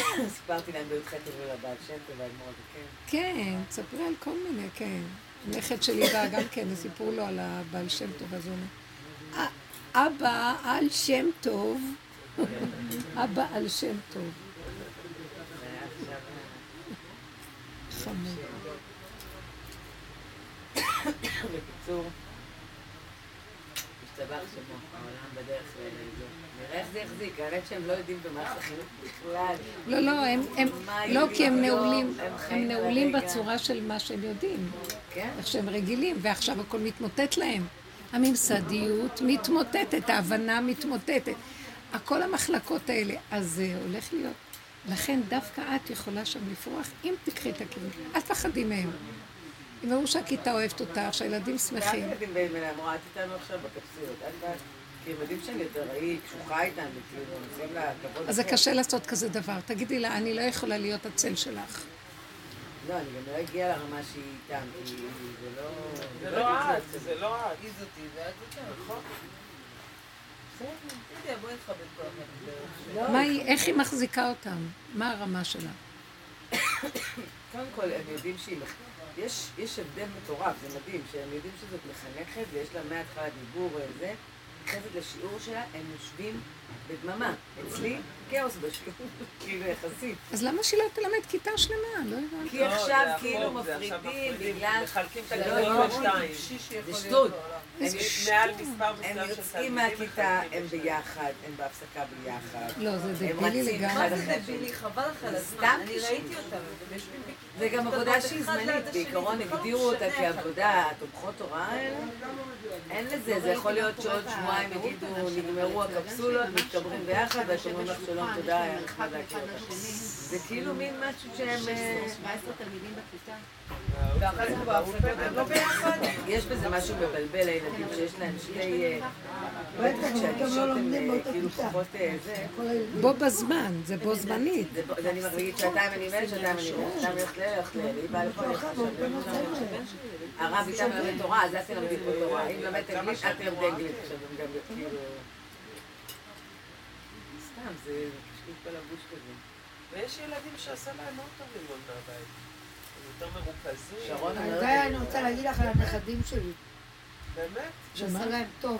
למה לא? הלימוד הפלאפון, למה לא? הם יותר היו מרוכזים. מי זה? מי? הנכדים. היו. יותר מרוכזים כשהמורה דיברה איתם אחד-אחד. מה זאת אומרת? המורה מדברת לכל לא, ילד? נכון? יש, יש בתי ספר שאין להם אינטרנט, והם לא מתחברים כן, לשיעור הם בזום. חרדים כאילו. כן, אז נכון. השיעור הוא טלפוני. כן. נכון.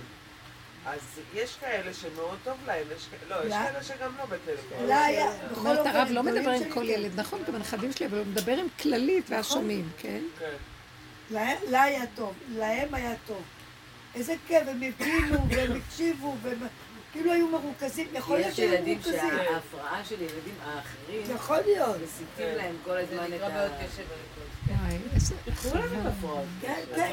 אני גם עובדת בקפסולות. יום אני בבית, יום אני עובדת מהבית, יום אני עובדת. אהה.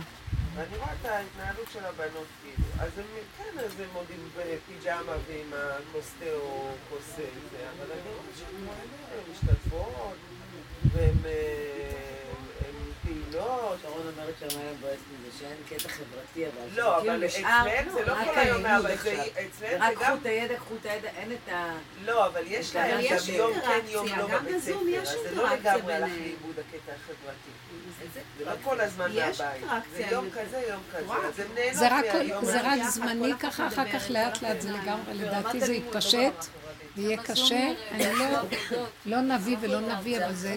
ולא בנביא, זה נראה לי שזה הולך להיות. זה זה לא. יהיה זה לא יותר גרוע וכולם בסוף יהיו בבתים עוד פעם. אבל ברמה אחרת, לא כמו לא, שהיה אז עם החסד זה הזה. לא. איך? זה- הם יפסיקו עם ההרצאות לדעתי. למה? כי הם יבקשו מהילדים להגיש עבודות. בסדר, מה שלא יהיה, אבל הילדים יהיו בבתים. הבת שלי רושמת שהיא כולם נמצאת יהיו בבתים. ככה נראה. חוזרת, את ה- הכל כי. זה המהלך, אה, אני רואה את זה מהנפש, לך ההתכווצות ופנימה פנימה. לא, הוא לא מרשה לי לפתוח, אני מתחילה טיפה לפתוח על העולם, אני רואה מצוקה, לא צריך. אז לא, אין עולם ואין דמויות ואין כלום, ואין אחד ועוד אחד שווה ואין סיפורים ואין שום דבר. ולא חייב. כאילו לא חייב את כל זה. מבינה? אז לכן תהיי נאמנה לנקודה של עצמך ותעשי, תתחברי ליחידה שלך ותעשי מה שאת צריכה. תתפללי להשם, תבקשי. ש- שיהיה להם טוב ושהם יהיו שמורים. יש כזה דבר שהשם ישמור. עברתי בשכונה שלנו וראיתי, בנו בית חדש, כאילו עשו בית אה, ישן ובנו בית חדש מאוד יפה כזה בחוץ. אז אה, כנראה קנו פלזמה, אבל משהו מטורף, אז נשאר הקרטון קרטון. בחוץ. אבל מה זה קרטון? זה כמו קיר. מקרר. משהו ענק ממש, והסתכלתי, אמרתי, מה, אנשים באמת כזה מסך ענק יש להם בבית? זה מטורף. כאילו לשבת מול מסך כזה גדול, ותקשיבי, זה- קיר. זה כאילו, זה ממש, זה- זה לא, תופס לך והדמויות נוכחות בבית. והאנשים, הנוכחות של החדשות, של השדרנים, של הסרטים. תקשיבי, זה. שוטף את המוח, זה יש לי בולט. מחשב בבית, כזה מסך, ואני מרגישה שזה מחרפן אותי. אז כאילו, דבר כזה כן. גם מסוכן. כל המערכות האלה מסוכנות. המערכות האלה מסוכנות, יותר טוב לא להשתמש בהן.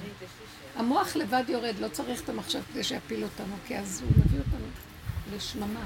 הילדים חווים שממה, ריקנות מזעזעת. יש לי שאלה כן. בנושא. יש לי בראש, פעם שדיברת על הנקודה, ואת אמרת שבנקודה אה, דווקא יש מקום של לא להתפלל. כשהבן אדם באמת נמצא בה בנקודה ובביטחון בקדוש ברוך הוא, גם התפילה כאילו אין לה כבר מקום. כי מה תתפלל אם אתה בוטח? לכאורה. לא הבנתי, התפילה מהסידור את מדברת? לא, לא, לא. תפילה... במקום ברור שהכל זה מהשם, וזהו, לא. צריך להתפלל כלום, הכל זה מהשם.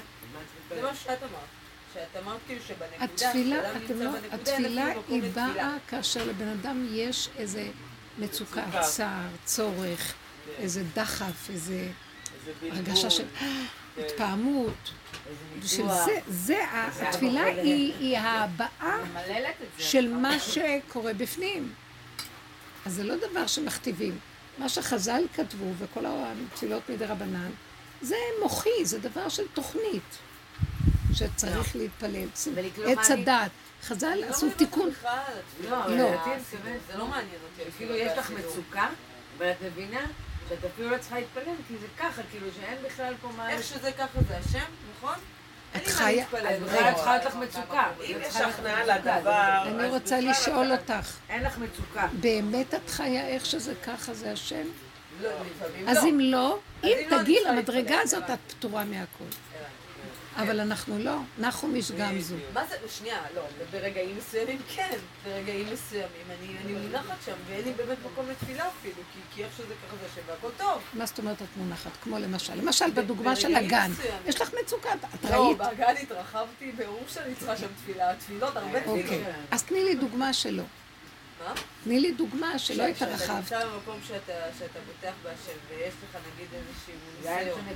ואתה רואה שזה השם, ואתה בוטח בו במאה אחוז שזה תני לי בעצמו השם. דוגמה. מצוקה, משהו אני, שהשם אתה אני, נמצא אני ב... לדוגמה, כמו העניין הזה שאני. נכנסת למקומות ואני, כאילו משהו מניע אותי לצאת משם, אני יודעת שאתה- שאבא זה אתה, אני יודעת. הסיבה. בוא. נקרא לזה בדרך שלנו. כאילו משהו מניע אותי הסיבה- לעשות, ואני אומרת, אבא כן. זה אתה, אז זה הסיבה, הסיבה באה. אומרת ש...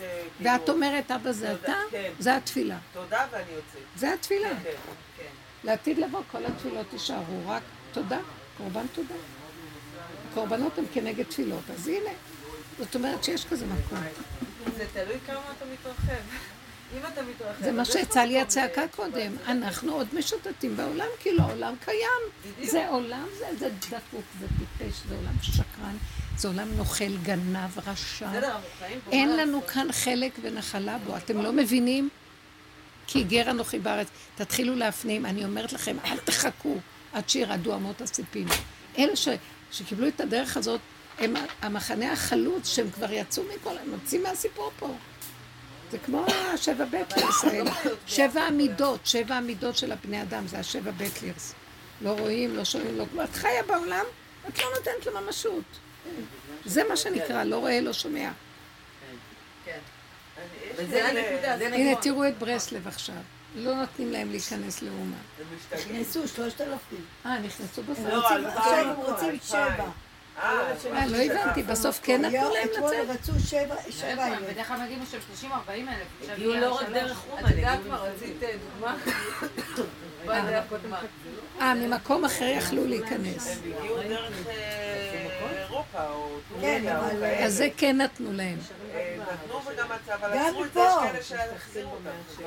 אבל היא אומרת שהם חטפו שם מכות, שהם לא יוצאים. חטפו מכות לא יוצאים, מהגויים. אה, חוץ מהמכות. אז תקשיבו רגע. אני, אני, אני, אומרת, זה לא סיבה שמראים להם. שהכל, כל הסיפור הזה גם כן כבר יצא מגד- מגדר הפרופורציה. השם שחט כל פרה קדושה ever. הכל, הכל. סגרת ישיבות, סגרת לא, בתי כנסת. לא, זה קורה. עכשיו. במהדורה שנייה עוד יש מאבק כאילו לחזור לרגיל, משפחה. והשם לא ייתן, בגלל שהוא רוצה ש... פרה אחת לא נשאר. אני לא רואה את זה אפילו בעיני רוחי שמשהו חוזר להיות רגיל. שמה? אני מנסה לראות את זה, נכון. כאילו, אז עוד היה לי איזשהו שכנוע שיגיע שלב שנגיד הקורונה הזאת תיעלם או משהו, אבל אני מבינה לא, שגם לא, לא לא. בדיוק קיימת. לא, לא, עכשיו הולך הכל וסוער יותר ממה שהיה. האפקט שלה, כאילו, בואי נגיד גם אם זה עץ הדעת, והעולם משתמש בשבילי. בזה לכל מיני. קונספירציות, זה לא משנה מה הסיבה, עדיין זה קיים. תגמרי אחר כך לא תה. הולך מפה. יש לנו איזושהי סיבה שהולכת להביא אותנו למקום כזה של, אה, כנראה גם איזושהי הכנעה שהיא בלית ברירה.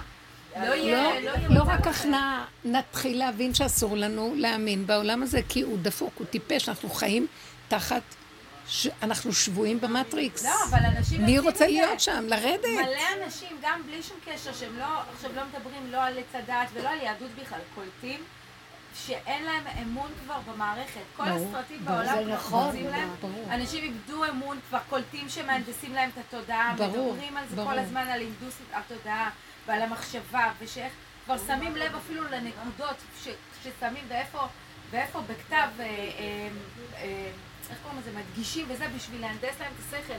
כאילו זה דברים שהם כאילו מתעורר, אנשים הם מתעוררים. כי זה היה ככה דורות פה, אבל עכשיו זה מתעורר כי עכשיו זה נהיה ברור. כל זה נהיה כואב. אני אומרת לא לכם. כל עבודה שעשינו לפרק את זה מתוך העבודה הפנימית יצרה את הכל בחוץ. שהתודעה מתפרקת ומה שדורות לא יתפרק. עכשיו הכל יתחיל להתפרק וזה יהיה הסוף. וכשזה יתפרק, זה, זה יתפרק ברעש גדול. לא יהיה כלום. כל המכונות הגדולות, כל ה... אנשים כואב להם כבר, זה נוגע בכולם. אנשים כואב להם, כל אחד במקום שלו. למה כואב? מרגיש קשה להם. כן, עכשיו, אין להם דרך, לכם יש דרך. ולמה אנחנו חשוב הדרך שלכם? כי אז אנחנו נוכל לעזור לעולם, כי ברגע שאנחנו עובדים נכון, גם הם נרגעים ואומרים, אה, מי צריך אותם? ויתחילו להכיר שיש אנרגיה אלוקית בעולם, שיצטרפו אליה. אבל זה תלוי בנו, אז לכן אנחנו צריכים לקחת ברצינות יתר, של להפסיק לתת לעולם הזה כל כך ממשות, ובאמת לחיות עם הסיבות. את עומדת בתור, את לא יכולה יותר, זה בור עולם לך, בואי אליי. זה, זה, זה, זה.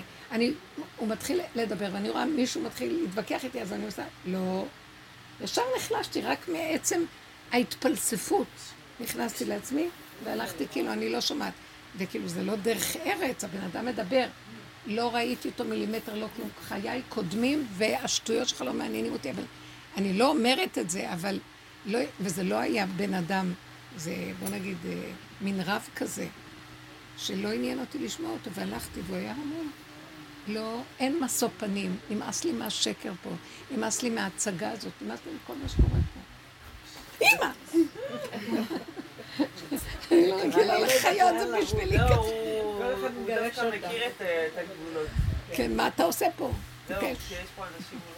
זה קרה לי עם הרופאה שעושה לו את הניתוח הבן שלי, נורא רצינית, ובהתחלה היא כזה, דיברה אליי כזה, ו... מקצועיות רצינית. את נראית לי אישה חכמה, רגועה, אולי רגועה מדי, ככה כזה. ואני אני צוחקת ביני לבין עצמי, כי אני באמת יודעת שמה שאני מראה לך עכשיו זה משהו שהיא מתעסקת עם עצמה עכשיו, זה לא קשור באמת ל... שהיא מדברת אליי, כאילו. משהו באנרגיה לא הסתדר לה, כאילו, ה... שאני בשקט כזה, שאני מקשיבה, ואני לא כאילו מתרגשת גם ממנה ומהמהלך, כאילו, אני כן. מקשיבה עכשיו. כן. לא נתת לה משמעות פתאום. בדיוק. לא, לה באתי. לשמוע את דעתה, אה, לגמרי, זה לא קשור למישהי זה. כן, אנחנו ממוקדים, תהיו ממוקדים, נתון, קחו נתון, מה זה כל ההתרגשות, הפרשנות, המשמעות? נתון, נתון, בעלי- זה הגן, ניסיתי מקום אחר, אין מקומות, אני לא יכולה, זה המציאות, נתון פשוט. עכשיו, למה לבנות עליו כל כך הרבה הרגשים ודעות, ותלכי הביתה ותדברי עם זאת וזאת ולשון הרע, ומה לא יתחיל להתגלגל פה? לוקחים, ואחד לוקח את השני ברצינות, ומתחילה להתפתח אה, תודעה ומציאות. לא צריך את זה יותר, שום דבר. נקודתי, וזהו. ואז בסיבוב, פעם השנייה באתי עם בעלי, וגם הוא ישב ככה, לא יודעת מה קרה לו, הוא יושב ככה בכיסא. כאילו נזל בכיסא, וישב כמו זה. ואז היא אומרת לו, סליחה, אתה יכול לשבת זקוף? זה לא מכבד אותי ולא מכבד אותך. והוא כזה התיישב. איזה רגישה זאת, אה? עכשיו זה היה כזה, וגם אני מסתכלת שישבתם פה כמו איזה, כאילו, לא יודעת, זה היה נורא מוזר. לא, לא, לא נתנו לה מספיק חשיבות, היא הייתה מאוימת מהמצב הזה. השם שלח לכם לה מסר, היא לא קוראת מסר. הוא אמר לי, לא יודע, החלקתי כי זה המחלם שלהם. כשאנחנו מסיימים, היא מסבירה לנו מה- עושים וזה, היא גם לא שומעת טוב, היא לקוית שמיעה בעצמה. היא בעצמה לקוית שמיעה. זו הסיבה שגם בחרתי בה, אמרתי, אולי מישהו פגום, אה, יבין כאילו את הפג... לא יודעת, חשבתי שיהיה, למרות שהיא בסדר. ואז היא כזה, בסוף השיחה פתאום אומרת, התחילה לצחוק קצת איתנו, כזה בסוף ההסברים, ראתה שאנחנו כנראה שנינו כזה, טוב, טוב, כאילו לא זה. ואז היא אמרה, אבל אתם תימנים, אז תהיה לו צלקת יפה. התחילה כאילו לצחוק. בעלי אמר, לא, אנחנו לא תימנים. אז מה אתם, ומה את, ואיזה עדות? כאילו, תמיד הייתם כאלה. כאילו דתיים וזה. אתם לא מכירים לי שאת... כן. ואז התחלנו להגיד לו שזה, ובעלי אומר לה, לא נולדתי עם פאה וזקן, וזה, וזה לא מילה גסה. אה, אמרת גסה. כאילו, קלטתי שאתה לא, לא איזה דוזה, ואז סיפרה לי שהיא ליטאית, למשפחה מאוד ליטאית מאוד גדולה, והיא עברה חינוך ליטאי, כאילו פתחה איתנו את כל ההתעסקות שלה עם דת, היא כאילו באנו לה, לא יודע איך לאכול את הטיפוסים האלה שיושבים שם דוסים, כאילו, ורואים שהם לא דוסים. ומי שמסתכל לנו בעיניים באמת מבין שאנחנו... לא דוסים. מי שבא מהרקע האמיתי יודע לזהות מידות. אבל פתאום נהייתה כזאת שיחה לא, צוחקת כאילו, את- כזאת. שימו לב איזה דבילי זה, לא, המוח כאילו של התפרקה. קופץ לה. כאילו שהיא, אה, אתם לא דתיים, מה אתם עושים אצלכם דתיים? גם את לא דתית, מה את מעוררת עכשיו את כל הסיפור שלך של הדת? לא, כי זה מעורר לבן. אדם כל אחד, תמיד זה מצחיק. הכל הולך רק לפי איך שהוא רואה. אבל היא גם היא רוצה. כבוד, כי היא מדומיינת בתוכה, כי היא צריכה כבוד. אז הוא יושב ככה, זה מאיים על הכבוד שלה. אז היא אומרת לו, למה אתה יושב ככה? זה לא מכובד לשבת ככה. ועוד דוס, בשביל מי בשביל ועוד מה? דתי. כאילו, היום אני נכנסת. למכולת. מישהו שמביא סחורה עולה על ה... זה, לה- להרים את המריצה הזאת. עכשיו, מישהו כבר היה בירידה, אז הוא צועק לו, תשים לב לאן אתה הולך. אולי תשים לב, אתה לב. הוא היה- הוא ירד קודם, ואתה רק הגעת. תשים לב לאן אתה הולך. ואז אני רואה, כולם רק פוסלים, כי לא, כל אחד, זה מדהים. לא. וזה מה שראינו, אנחנו רואים את עצמנו לא, אני ודעתנו לא- זה זכה מצחיק. עלינו אחד. אין רצינות. אני לא דבר מתרגשת. מזה זה שהיא אומרת דברים. כאלה. הנזיפות האלה היום, מה זה מצחיקות אותי, כל האנשים ש... כן. לא, כי את יושבת בנקודה של את רואה את הפגם ואת צוחקת. זה מהלך אחר. אלו שנכנסים לעבודה הזאת הם במקום אחר, העולם מאוים, מבוהל, מפוחד, מלא חרדות ומה, ואלה שנכנסים בדרך באמת צוחקים, אנחנו, אנחנו הג'וקר. הוא עומד בצד וצוחק כל, כל רגע להחליף איזה תחפושת. הוא יהיה כמוה עוד רגע, ואחרי רגע הוא יהיה הכי פשוט, ואחרי רגע הוא יהיה משהו. קלטה, כאילו. חרדי, כאילו זה אני קלטה את התחפושות, אבל אז בסוף נהיה נחמד, היא כזה ירד לה קצת כל ה... הכל, הכל דמיון פה, הכל דמיון, אבל לאנשים לא יהיה כלים איך לעבוד עם זה. אנחנו היינו צריכים לנסוע שבת לחברים שגרים ברכסים. וביום רביעי החברה מתקשרת, אומרת לנו, אני לא יודעת, אה, כן, עוד לא אמרו עיר אדומה, אולי אה, זה, עוד אה, סגר, וזה סתם שטויות, יש פה פחות חולים ממה שהיה בגל הראשון, אני לא יודעת, לא. וכאילו, אמרתי לה, מה את אומרת? כאילו, לא הבנתי מה את אומרת. אז לי, לא, תבואו, בכל מקרה תבואו, לא יהיה איזה, ואני אומרת לה, לבוא או לא לבוא? אמרתי לבוא, אמרתי לה, טוב, ואז אה, סגרתי, מבחינתי לא התעסקתי, יום למחרת זה היה יום חמישי. אה, ואני אומר לי, תשמעי, רכסים אה, עיר אדומה, כאילו, זה בעיה? אמרתי לו, כן, שמעתי, אל תגיד שום דבר לאמא שלי, לא שמעתי, לא ידעתי, אני נוסעת, עד היום אמא שלי לא יודעת שנסעתי, כי מבחינתה היא ה... הרס"ר עיר אדומו, האדומים, האדומות, הזה, לא... לא לה נתיבות. נחשב לעיר אדומה? כן, עכשיו היא בסגר כן, גם, משבע חדש. בערב גם. אה, מי שבע בערב, גם השכונה שלי, מי שבע לא. כאילו אמרתי, היא יכולה לחזור, אני לא נראה לי. לא שומעת, לא כן. אני גם לא לא יודעת. לא מעניין. בשביל מה היו צריכים לסגור את זה, להראות? לא, הם רצו מהבוקר אה, שזה עשר לגמרי, אז לא... יצאו כל החרדים נגדם והם נבהלו, נתניהו נבהל. אז הוא אמר, טוב, משבע, את מבינה? משבע כולם במילא חוזרים הביתה. לא, אבל בבני ברק משבע מתחילים אבל מתחיל הבלאגן. כל האירועים, כל הבלאגן, זה משבע. אה, אז כאילו אין חתונות, ואין... תהיה יותר אה, ביום, לא, אבל ביום יש לך יותר את הכולם בעבודה באמת. עבודה בבית ספר. הערב זה כאילו ההתקהלויות. אז למה רצו לעשות עליה סגר ביום? על בני ברק. על כל הערים האלה רצו לעשות סגר ביום. ואז החרדים מאוד כעסו. אבל הם ביקרו בבני ברק. ודווקא דיברו בשבחם, הם בין הערים ה... ששומרים, אני אה, שמעתי גם בישיבות, שיש לה ילד בישיבה. רוב האנשים שומעים. אני שמעתי גם ברדיו אחד דיבר בקול בדוי. שבאף מקום לא. שיש להם בישיבה מלא חולים. והרבנים דווקא רוצים שהם יישארו שם חולים, והם רוצים שהם יהיו חולים, ואז הם בעצם מתחזקים, כאילו הישיבה כולה, אחד מתחסנת. היינו פה 200-300. אני גם חושבת שמה על בדיקות בשביל מה כאילו? זה קצת תסמינים כאלה, שהוא חוזר פה, גם ככה אנחנו... עכשיו אנחנו נעבור את כל זה ונחזור הביתה, אחרי כיפור מהישיבה, וכבר נהיה כולנו כאילו סגורים על ה... יש איזה פרופסור בלדניאדו שדיבר על זה, שאמר שהמחלה, המגפה היחידה שיש פה זה חרדה ו- ו- ממש. ובדיקות. פשוט כל הזמן בודקים, בודקים. בודקים, ומעלים את רף החרדה בציבור. הוא אומר, כל מה לא, שצריך לא, להיות זה משהו מכוון. לתת לאנשים, הוא- בלניאדו, כאילו הפרופסור אומר, אנשים ידבקו ויהיה אה, חיסון כללי. והחולים הקשים יגיעו ממילא. כי כן. רובם, החולים הקשים, גם הוא אמר, רוב הח- החולים הקשים... זה מה שאמרתי לילדים שלי מזמן. תפסיקו לקרוא לזה בשם. זה מה כאלה שהוא שלא אומר. נפטרו לא בהכרח מהקורונה, אבל סופרים אותם, כי היה להם גם. בדיוק. אז הוא אומר שרובם זה בין הגילאים 80 ל-100 ו-110. יש גם צעירים יותר, מההתחלה קיים גם אמרה, עכשיו זה בצעירים? עכשיו זה פה נוגע בצעירים, הרבה צעירים. בסדר. שיהיה, שיהיה והם לא יתחסנו. כסף. זה שפעת. לא, אבל יש אפילו פחות פגיעה משפעת זה. הורג, חס ושלום. איך? אז אנשים... הוא אומר למשל, ההגדרה על החולים ה- הקשים של היום, עד לפני חודשיים הייתה הגדרה של החולים הקלים. הם מחליפים את זה כל הזמן. פשוט מכריח שמה, עכשיו זה נחשב יותר קשה? שאלה שהחולים קלים, אותה הגדרה עכשיו החליטו שאלה אלה קשים. אותם. פרמטרים שהיו למי לא, שהיה יש איזה משהו. מגמתי שרוצה... זה הכל הזה, זה משהו, יש פה משהו.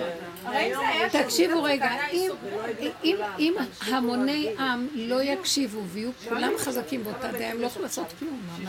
אנשים ככה שלא הולכים לבדיקות, עושים מה שהם רוצים. כלום. הם- איך הם עושים את כל אבל זה התחיל ממני? זה התחיל ממני, אני אמרתי להם. עבדה לידי מישהי שמה. לא אמרה לי, סליחה, את יכולה לשים מסכה? מסכה עליי. לא שמתי אותה ככה, כאילו. אני לא הכי, יכולה לשאול, הכי, חמוד.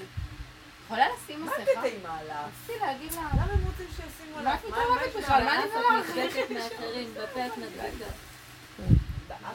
כן, את הכי- נושמת, הכי- יש חולה קורונה, שהוא עושה אפצ'י באפצ'י, מדבר, יש לו אבל פה, את נושמת את זה.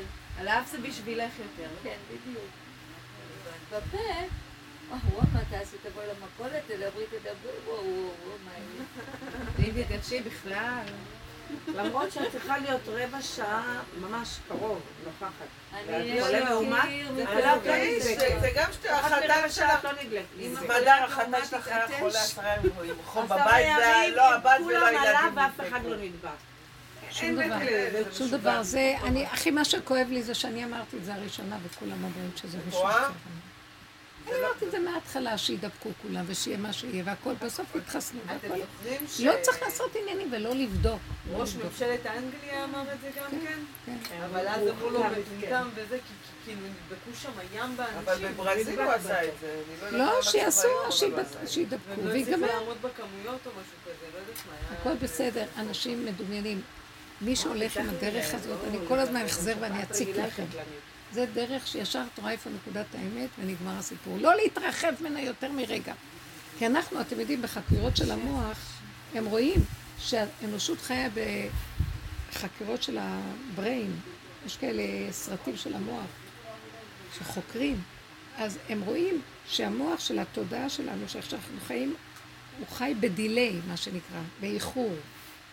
קורה הדבר כבר קודם, אבל הוא, עד שהוא תופס את זה, אז מה, זאת אומרת, איך שאני מפרשת את זה, זה שיורדת נקודת אמת אחת, ואז המוח מתחיל להתרחב ולאבד את הנקודה האחת הזאת, וככה התרבות נוצרת. איך? הוא טוחן היסטוריה המוח, זה לא מעניין. אין היסטוריה ואין כלום, יש רגע אחד, הוא אחרי רגע יכול ללכת לאיבוד, ואחרי רגע הוא יכול להשתנות לגמרי, אז למה אתה מתרגש? חכה רגע, אחי, זה ייעלם לבד. לא, מה עשו מזה? הדמיון עושה את זה.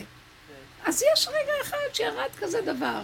אם לא היו נותנים לזה כזה כוח, באמת, כולנו היינו עובדים, זה לא היה קורה. בוא נגיד שאני הרגשתי גם כן שהיה לי איזה חולשה או משהו. אז נכנסתי בתוך החולשה ותפסתי את עצמי בצמצום גדול, וחייתי עם זה עד הסוף, בלי לרוץ לאף מקום ובלי כלום. יום, יומיים שתיתי דברים מחזקים, אכלתי קצת, שמרתי לו, הגוף צריך ניקיון. ונגמר הס... לא, זאת אומרת, מה אני רוצה לומר? הגוף מרפא את עצמו לבד, אבל הדמיון מרחיב, וזה האפידמיה, היא בדמיון, היא מדבקת מהדמיון. זה, קורה אחר כך בחוש, שאנשים נדבקים. אז לכן תלכו עם נקודת האמת הראשונית של כל דבר, ולא להאמין לכלום. תחזרי בחזרה לעצמך, כל הזמן תחזרי לנקודה, אל תתני למצוקות להרחיב אותה. תחזרי ותגידי, רגע, אבל מה אני, קטנה, מוגבלת, לא יכולה, אני נשארת בנקודה הזאת. זה מה שאני יכולה. באה אליי איזה מישהי, שהיא כבר בת 42, פתאום נכנסה להיריון. אז היא הייתה בס- בסערה נורא גדולה. קודם כל היא התרגשה נורא, ואחר כך התחילה עם החרדות, מה, בת... והיא התחילה להתרחב והלכה לפה, ו... ואז כשהיא באה לספר לי, אמרתי לה, מה את כל כך מתרגשת? מאיפה את יודעת אם זה הריון או לא? היא אמרה לי, אה, יש לה איחור, ו... אה, אז אמרתי לה, לא, מאיפה את יודעת אם זה בר קיימא בכלל? ככה אמרתי לה.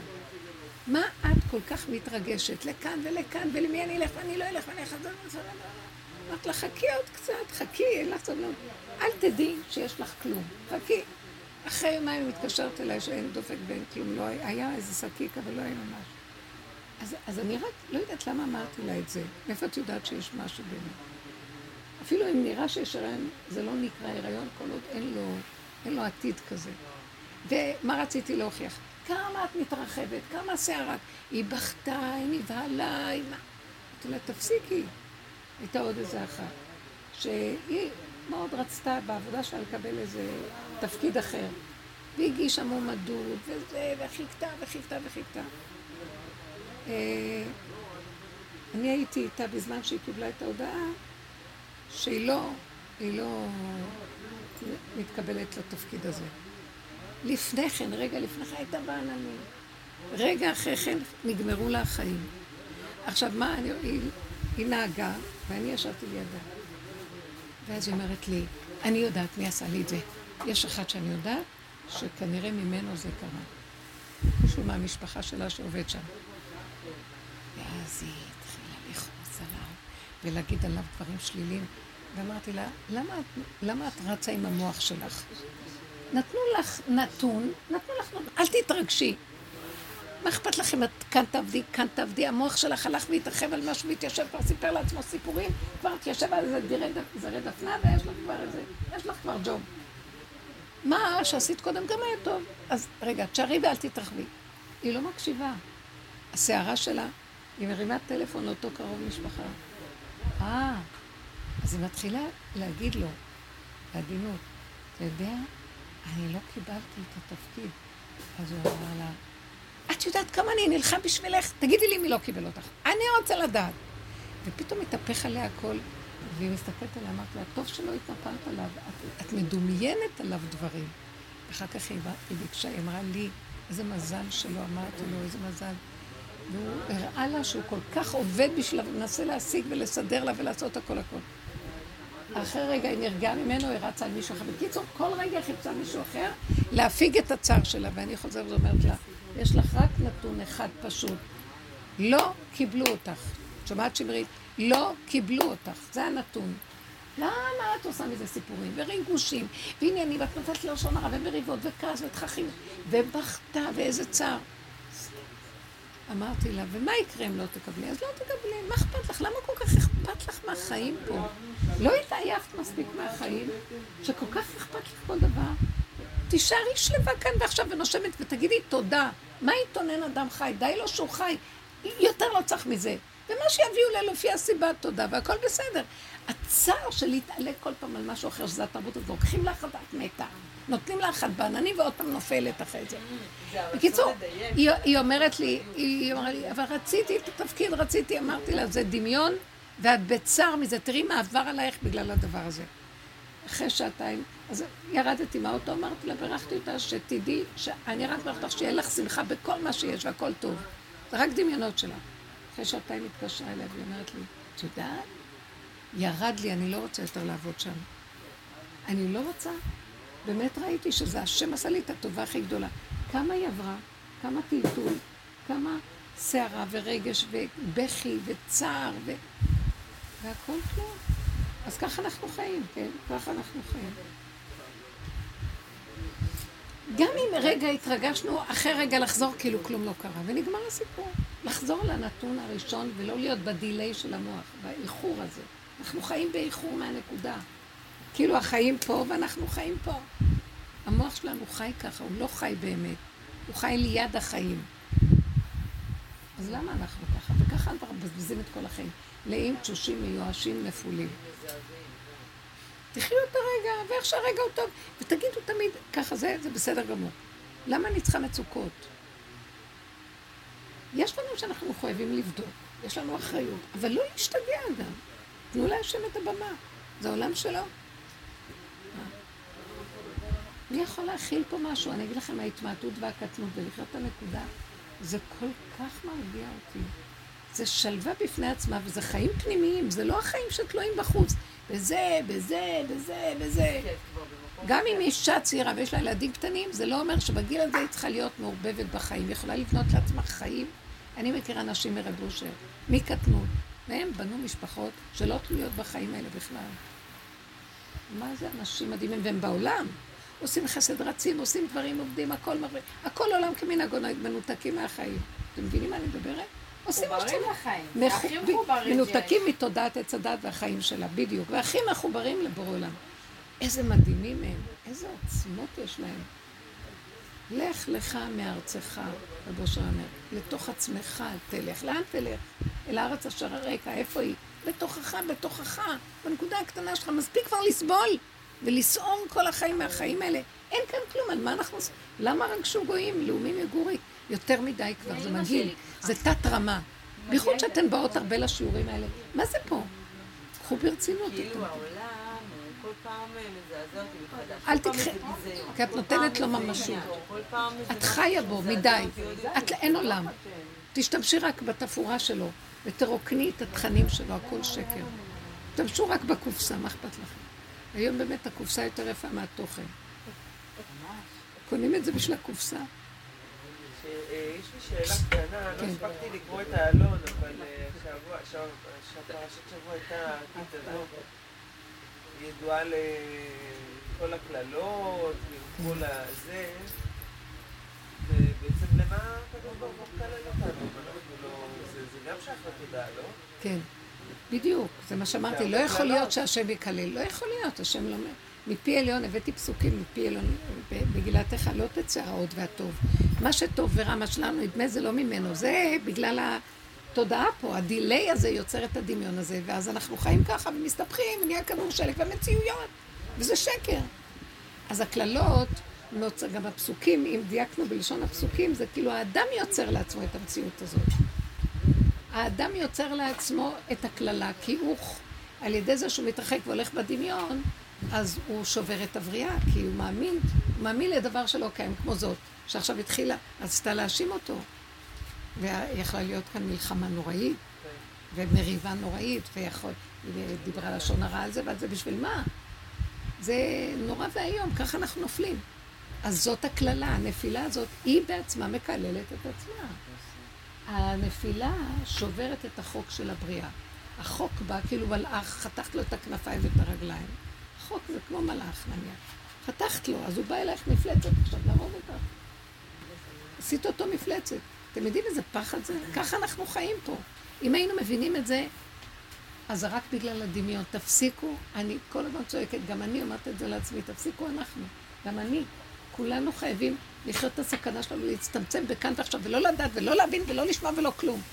יש רגע שאני, פתאום יש נותן לי הבנה עמוקה, ידע, רגע, אבל זה הוא נותן איזה רגיעות והכל בסדר, בלי דמיון. ויש רגע שאני רואה שאני מתאמצת וקשה לי ואני לא יכולה ולכן, אני אומרת, לא, עד אלייך בקלות הכל יגיע. ואני מבינה שהדור החדש שמגיע לא רוצה להתאמץ. זו שהסברתם על הילדים. לא רוצה לעבוד קשה על כלום, רוצה עד אליו, רוצה סרט, סרט הכי טוב. שמה אני צריכה לכתוב, לכתוב, לכתוב מה לא. זה דבילי. נגמר המוח. נגמר המוח של עץ הדת. תפסיקי! איך מי יתאמץ? מי יעבור? המוח של עץ הדת נופל ונגמר השעבוד. זה לא אני כפרה. שומעת? נגמר השעבוד, זה השעבוד, הוא פרעה. זה פתאום ורמסס, אנחנו עובדים לו ממש, הרי מסכנות. לא. שאני עובדת בלי לחשוב, עובדת רגיל, כאילו בלי... בלי לתכנן, הכי כיף. בסדר, זה, זה, הכי אני כיף. לא מתעייפת. הכי כיף. אין לי, אין לי עייפות, כשאני מתחילה לתכנן ולעשות ולרשום ולזה וטיטי ואני בלחץ של זמן, אני צריכה... חול- אני מרגישה חולי. כזאת, ברור, ממש. כאילו, אני. מבינה שאני. נגנבתי פה. אפשר לעשות דברים, אבל הלחץ מראה שהתרחבתי. את יכולה לעצור ולהמשיך. אפשר לעשות דברים, אבל בקטן, בצמצום, בריכוז. באמת, אני גם כן עשיתי על איזה פעולה. כלתי אה, שלי חלו. בן חלה קודם, ואחר כך כלתי. ואז שתיהם אה, בבית, שעשו איזה שיפוץ, ב... ושני ילדים קטנים, ואין מי שטיפל בהם. זה. עכשיו, אז אני אמרתי, אה, אני אכין להם קצת אוכל, וגם אעשה להם איזה קנייה לבית. וביקשתי מבעלי שייקח אותי. אז אה, לקחתי את האוכל ואמרתי לו, אני אכנס לסופר, אני קונה כמה דברים ואני כבר יוצאת. היה שם תור גדול והתעכבתי. ויצאתי עם שקיות, הרבה דברים, ואז הוא התחיל להתנפל עליי. כאילו כעס עליי, הוא אמר לי. והיה לי לחץ, למה? כי באמת לא היה לי זמן והייתי צריכה כבר לצאת לשיעור, גם הייתי צריכה ללכת להביא להם אחרי הקנייה ואחר כך, וכל היום אני רק... ואז אמרתי, אז הוא, הוא פתאום, אז אמרתי, למה, למה הוא, למה הוא מתנפל עליי? הוא אומר לי, מה את רוצה לעשות עליהם רושם? אמרתי לו, בפשטות, ובתמימות, לא, הם שני אנשים לבד, והם צריכים עזרה. ואין מי ש... ואין, אנחנו צריכים ללכת לעזור להם. חודש אלול, התערבתי על חודש אלול, לכתוב קצת מצוות, נעשה משהו. אז אחרי זה אמרתי, איזה מין דיבור נתן לי? ואז הבנתי שהשם נתן לו להגיד לי, כי אני התרחבתי באמת. למה? כי בסופר היה לי לחץ נוראי אטומי. ואני לא סובלת כבר את הלחץ הזה, אין לי כוח. הרגשתי, אני לא עומדת בזה, הגוף שלי נחלש. תדעו לכם שהשם כל כך אוהב אותנו, הוא מחליש אותנו. כי הוא עוזר לנו שלא ניתן, כשהמוח גדול יותר, אז הוא לא משגיח על הגוף, הוא רץ, הוא עושה דברים והכל, והגוף רץ אחריו, חכה לי, חכה לי, אני לא יכול להשיג אותך. והוא עושה שהגוף עכשיו יהיה יותר חזק מהשכל, אז, אז הייתי צריכה לעצור. ועוד פעם התגבר לי הכוח הזה של המצווה אלו לעזור. ובעלי בא עם הקור הליטאי שלו, יקי הזה, מה, את רוצה, איך איך אמר, להתחנף? או מה אמרתי? להרשים אותם? לא הבנתי בכלל איפה הוא מביא את המילה הזאת. לכי, ת- ה- כאילו, למה הוא אמר לי את זה? כי הלחץ גרם שהוא יביא את זה. את מבינה? אני שיקרתי לעצמי על ידי הלחץ, נתתי לגוף שלי ללכת לא בגבול הנכון שלו, אז גם השם נתן לו להוציא איזו מילה ש, שאת לא עושה את זה מדויק, כי את רוצה להרשים אותו, את מבינה? למה את כל כך צריכה להילחץ על מישהו? מה האינטרס שלך? זה כמו שהיום בבוקר, כל כך ראיתי את ההקבלה ואמרתי, ישר אתה השם, ישרים דרכי השם, צדיקים ילכו בם ופושעים יקשלו בם. והרגשתי שאני לא יכולתי לסבול את מה שהוא אומר לי, אבל אמרתי, אז זה כן נוגע באיזה נקודה. שזה כמו שהיום בבוקר הילדה אומרת לי, וזה סתם מתוך שעמום, משעמם לה והיא מחפשת מה לעשות, היא מחפשת לי דברים לעשות בעצם. ואז היא אומרת לי, אמא, אולי תכיני לנו פנקייקים. יום, יום מה? פנקייקים. להכין יום פנקק. לא, שתכיני לנו היום ארוחת פנקייקים. לא, לא בוקר, היום. בבית ספר. אה, לבית ספר, שיקחו לבית ספר פנקייקים, כאילו במקום סנדוויצ'ים. אז עשיתי כזה אחד ואחד בתוך הראש שלי כזה, ובעלי היה לידי, וחשבנתי לו, ואמרתי להם יאללה בסדר, כי אמ- אמרתי, אם אני אגיד לא, אז הוא ישר יעשה לי פרצוף של כאילו, מה הבעיה שלך לעשות קמח עם ביצה ו- וזה כאילו, מה, וחלב. ואז אמרתי, טוב, נו מה זה משנה, גם ככה אני עושה להם סנדוויצ'ים, אני עושה להם פנקקים. אבל זה, אם הייתי לבד, לא הייתי מסכימה לזה. בגלל בעלך שיגיד לא מה זה. הסכמתי להם. ואז ראיתי שזה היה כזה טעות לעשות להשם כל כך, כאילו, כן, כן, אתה זה נכנס בי עם הפנקקים האלה ברמות שהילד, כשהוא בא ללכת, ואחרי ששמתי להם כבר את האוכל בתיק והכל, הכנתי להם פנקקים וזה, כאילו, לבית והכל, הוא הולך להסעה והוא חוזר בחזרה אחרי איזה כמה דקות, ואומר לי, אמא, אני לא רוצה פנקקים, אני רוצה... זה היה מדהים. כן, יש לך כל הזמן הזה בבוקר, כמה- לחשוב על סנדוויצ'ים, על פנקיקים, על... מתי יש לך זמן עכשיו וכמה? טק, זה טק. זה בדקות, אחותי, אני כמו טורנדו. כן? בבוקר טק טק טק אם ישימו... הנה, את רואה, את והגננות אותו דבר, מה הטענה על הגננות המסכנות? האלה? גם הן? מתקתקות את החיים שלהן. אני לא באה בטענה, אני אומרת לך את האמת המרה. נכון. אני אומרת לך את אבל היא האמת לא מרה. היא, מראה לתודעת עץ הדעת. אבל אתם יודעים מה? שהתודעה, אפשר גם בשנייה לבטל אותה. ככה זה. אל תתרגשו ממנה ותגידו, אז ככה זה. כי ככה זה, הם כאלה, כי ככה זה. ואני, אתה עשיתי פנקק, בעלי היה זה, כי ככה, כי אני כזאת. והוא חזר מהזה, וכי ככה זה. אם אנחנו עושים ככה זה, לא מתרגשים ומחליפים. שככה תדלגו, כן, תדלגו על הרגש. כי אז התודעת עץ הדעת פתאום יכולה להיות אמת אם את מדלגת על הרגש. נמצא שהיא הרגש, היא המסעירה, היא המתרחבת.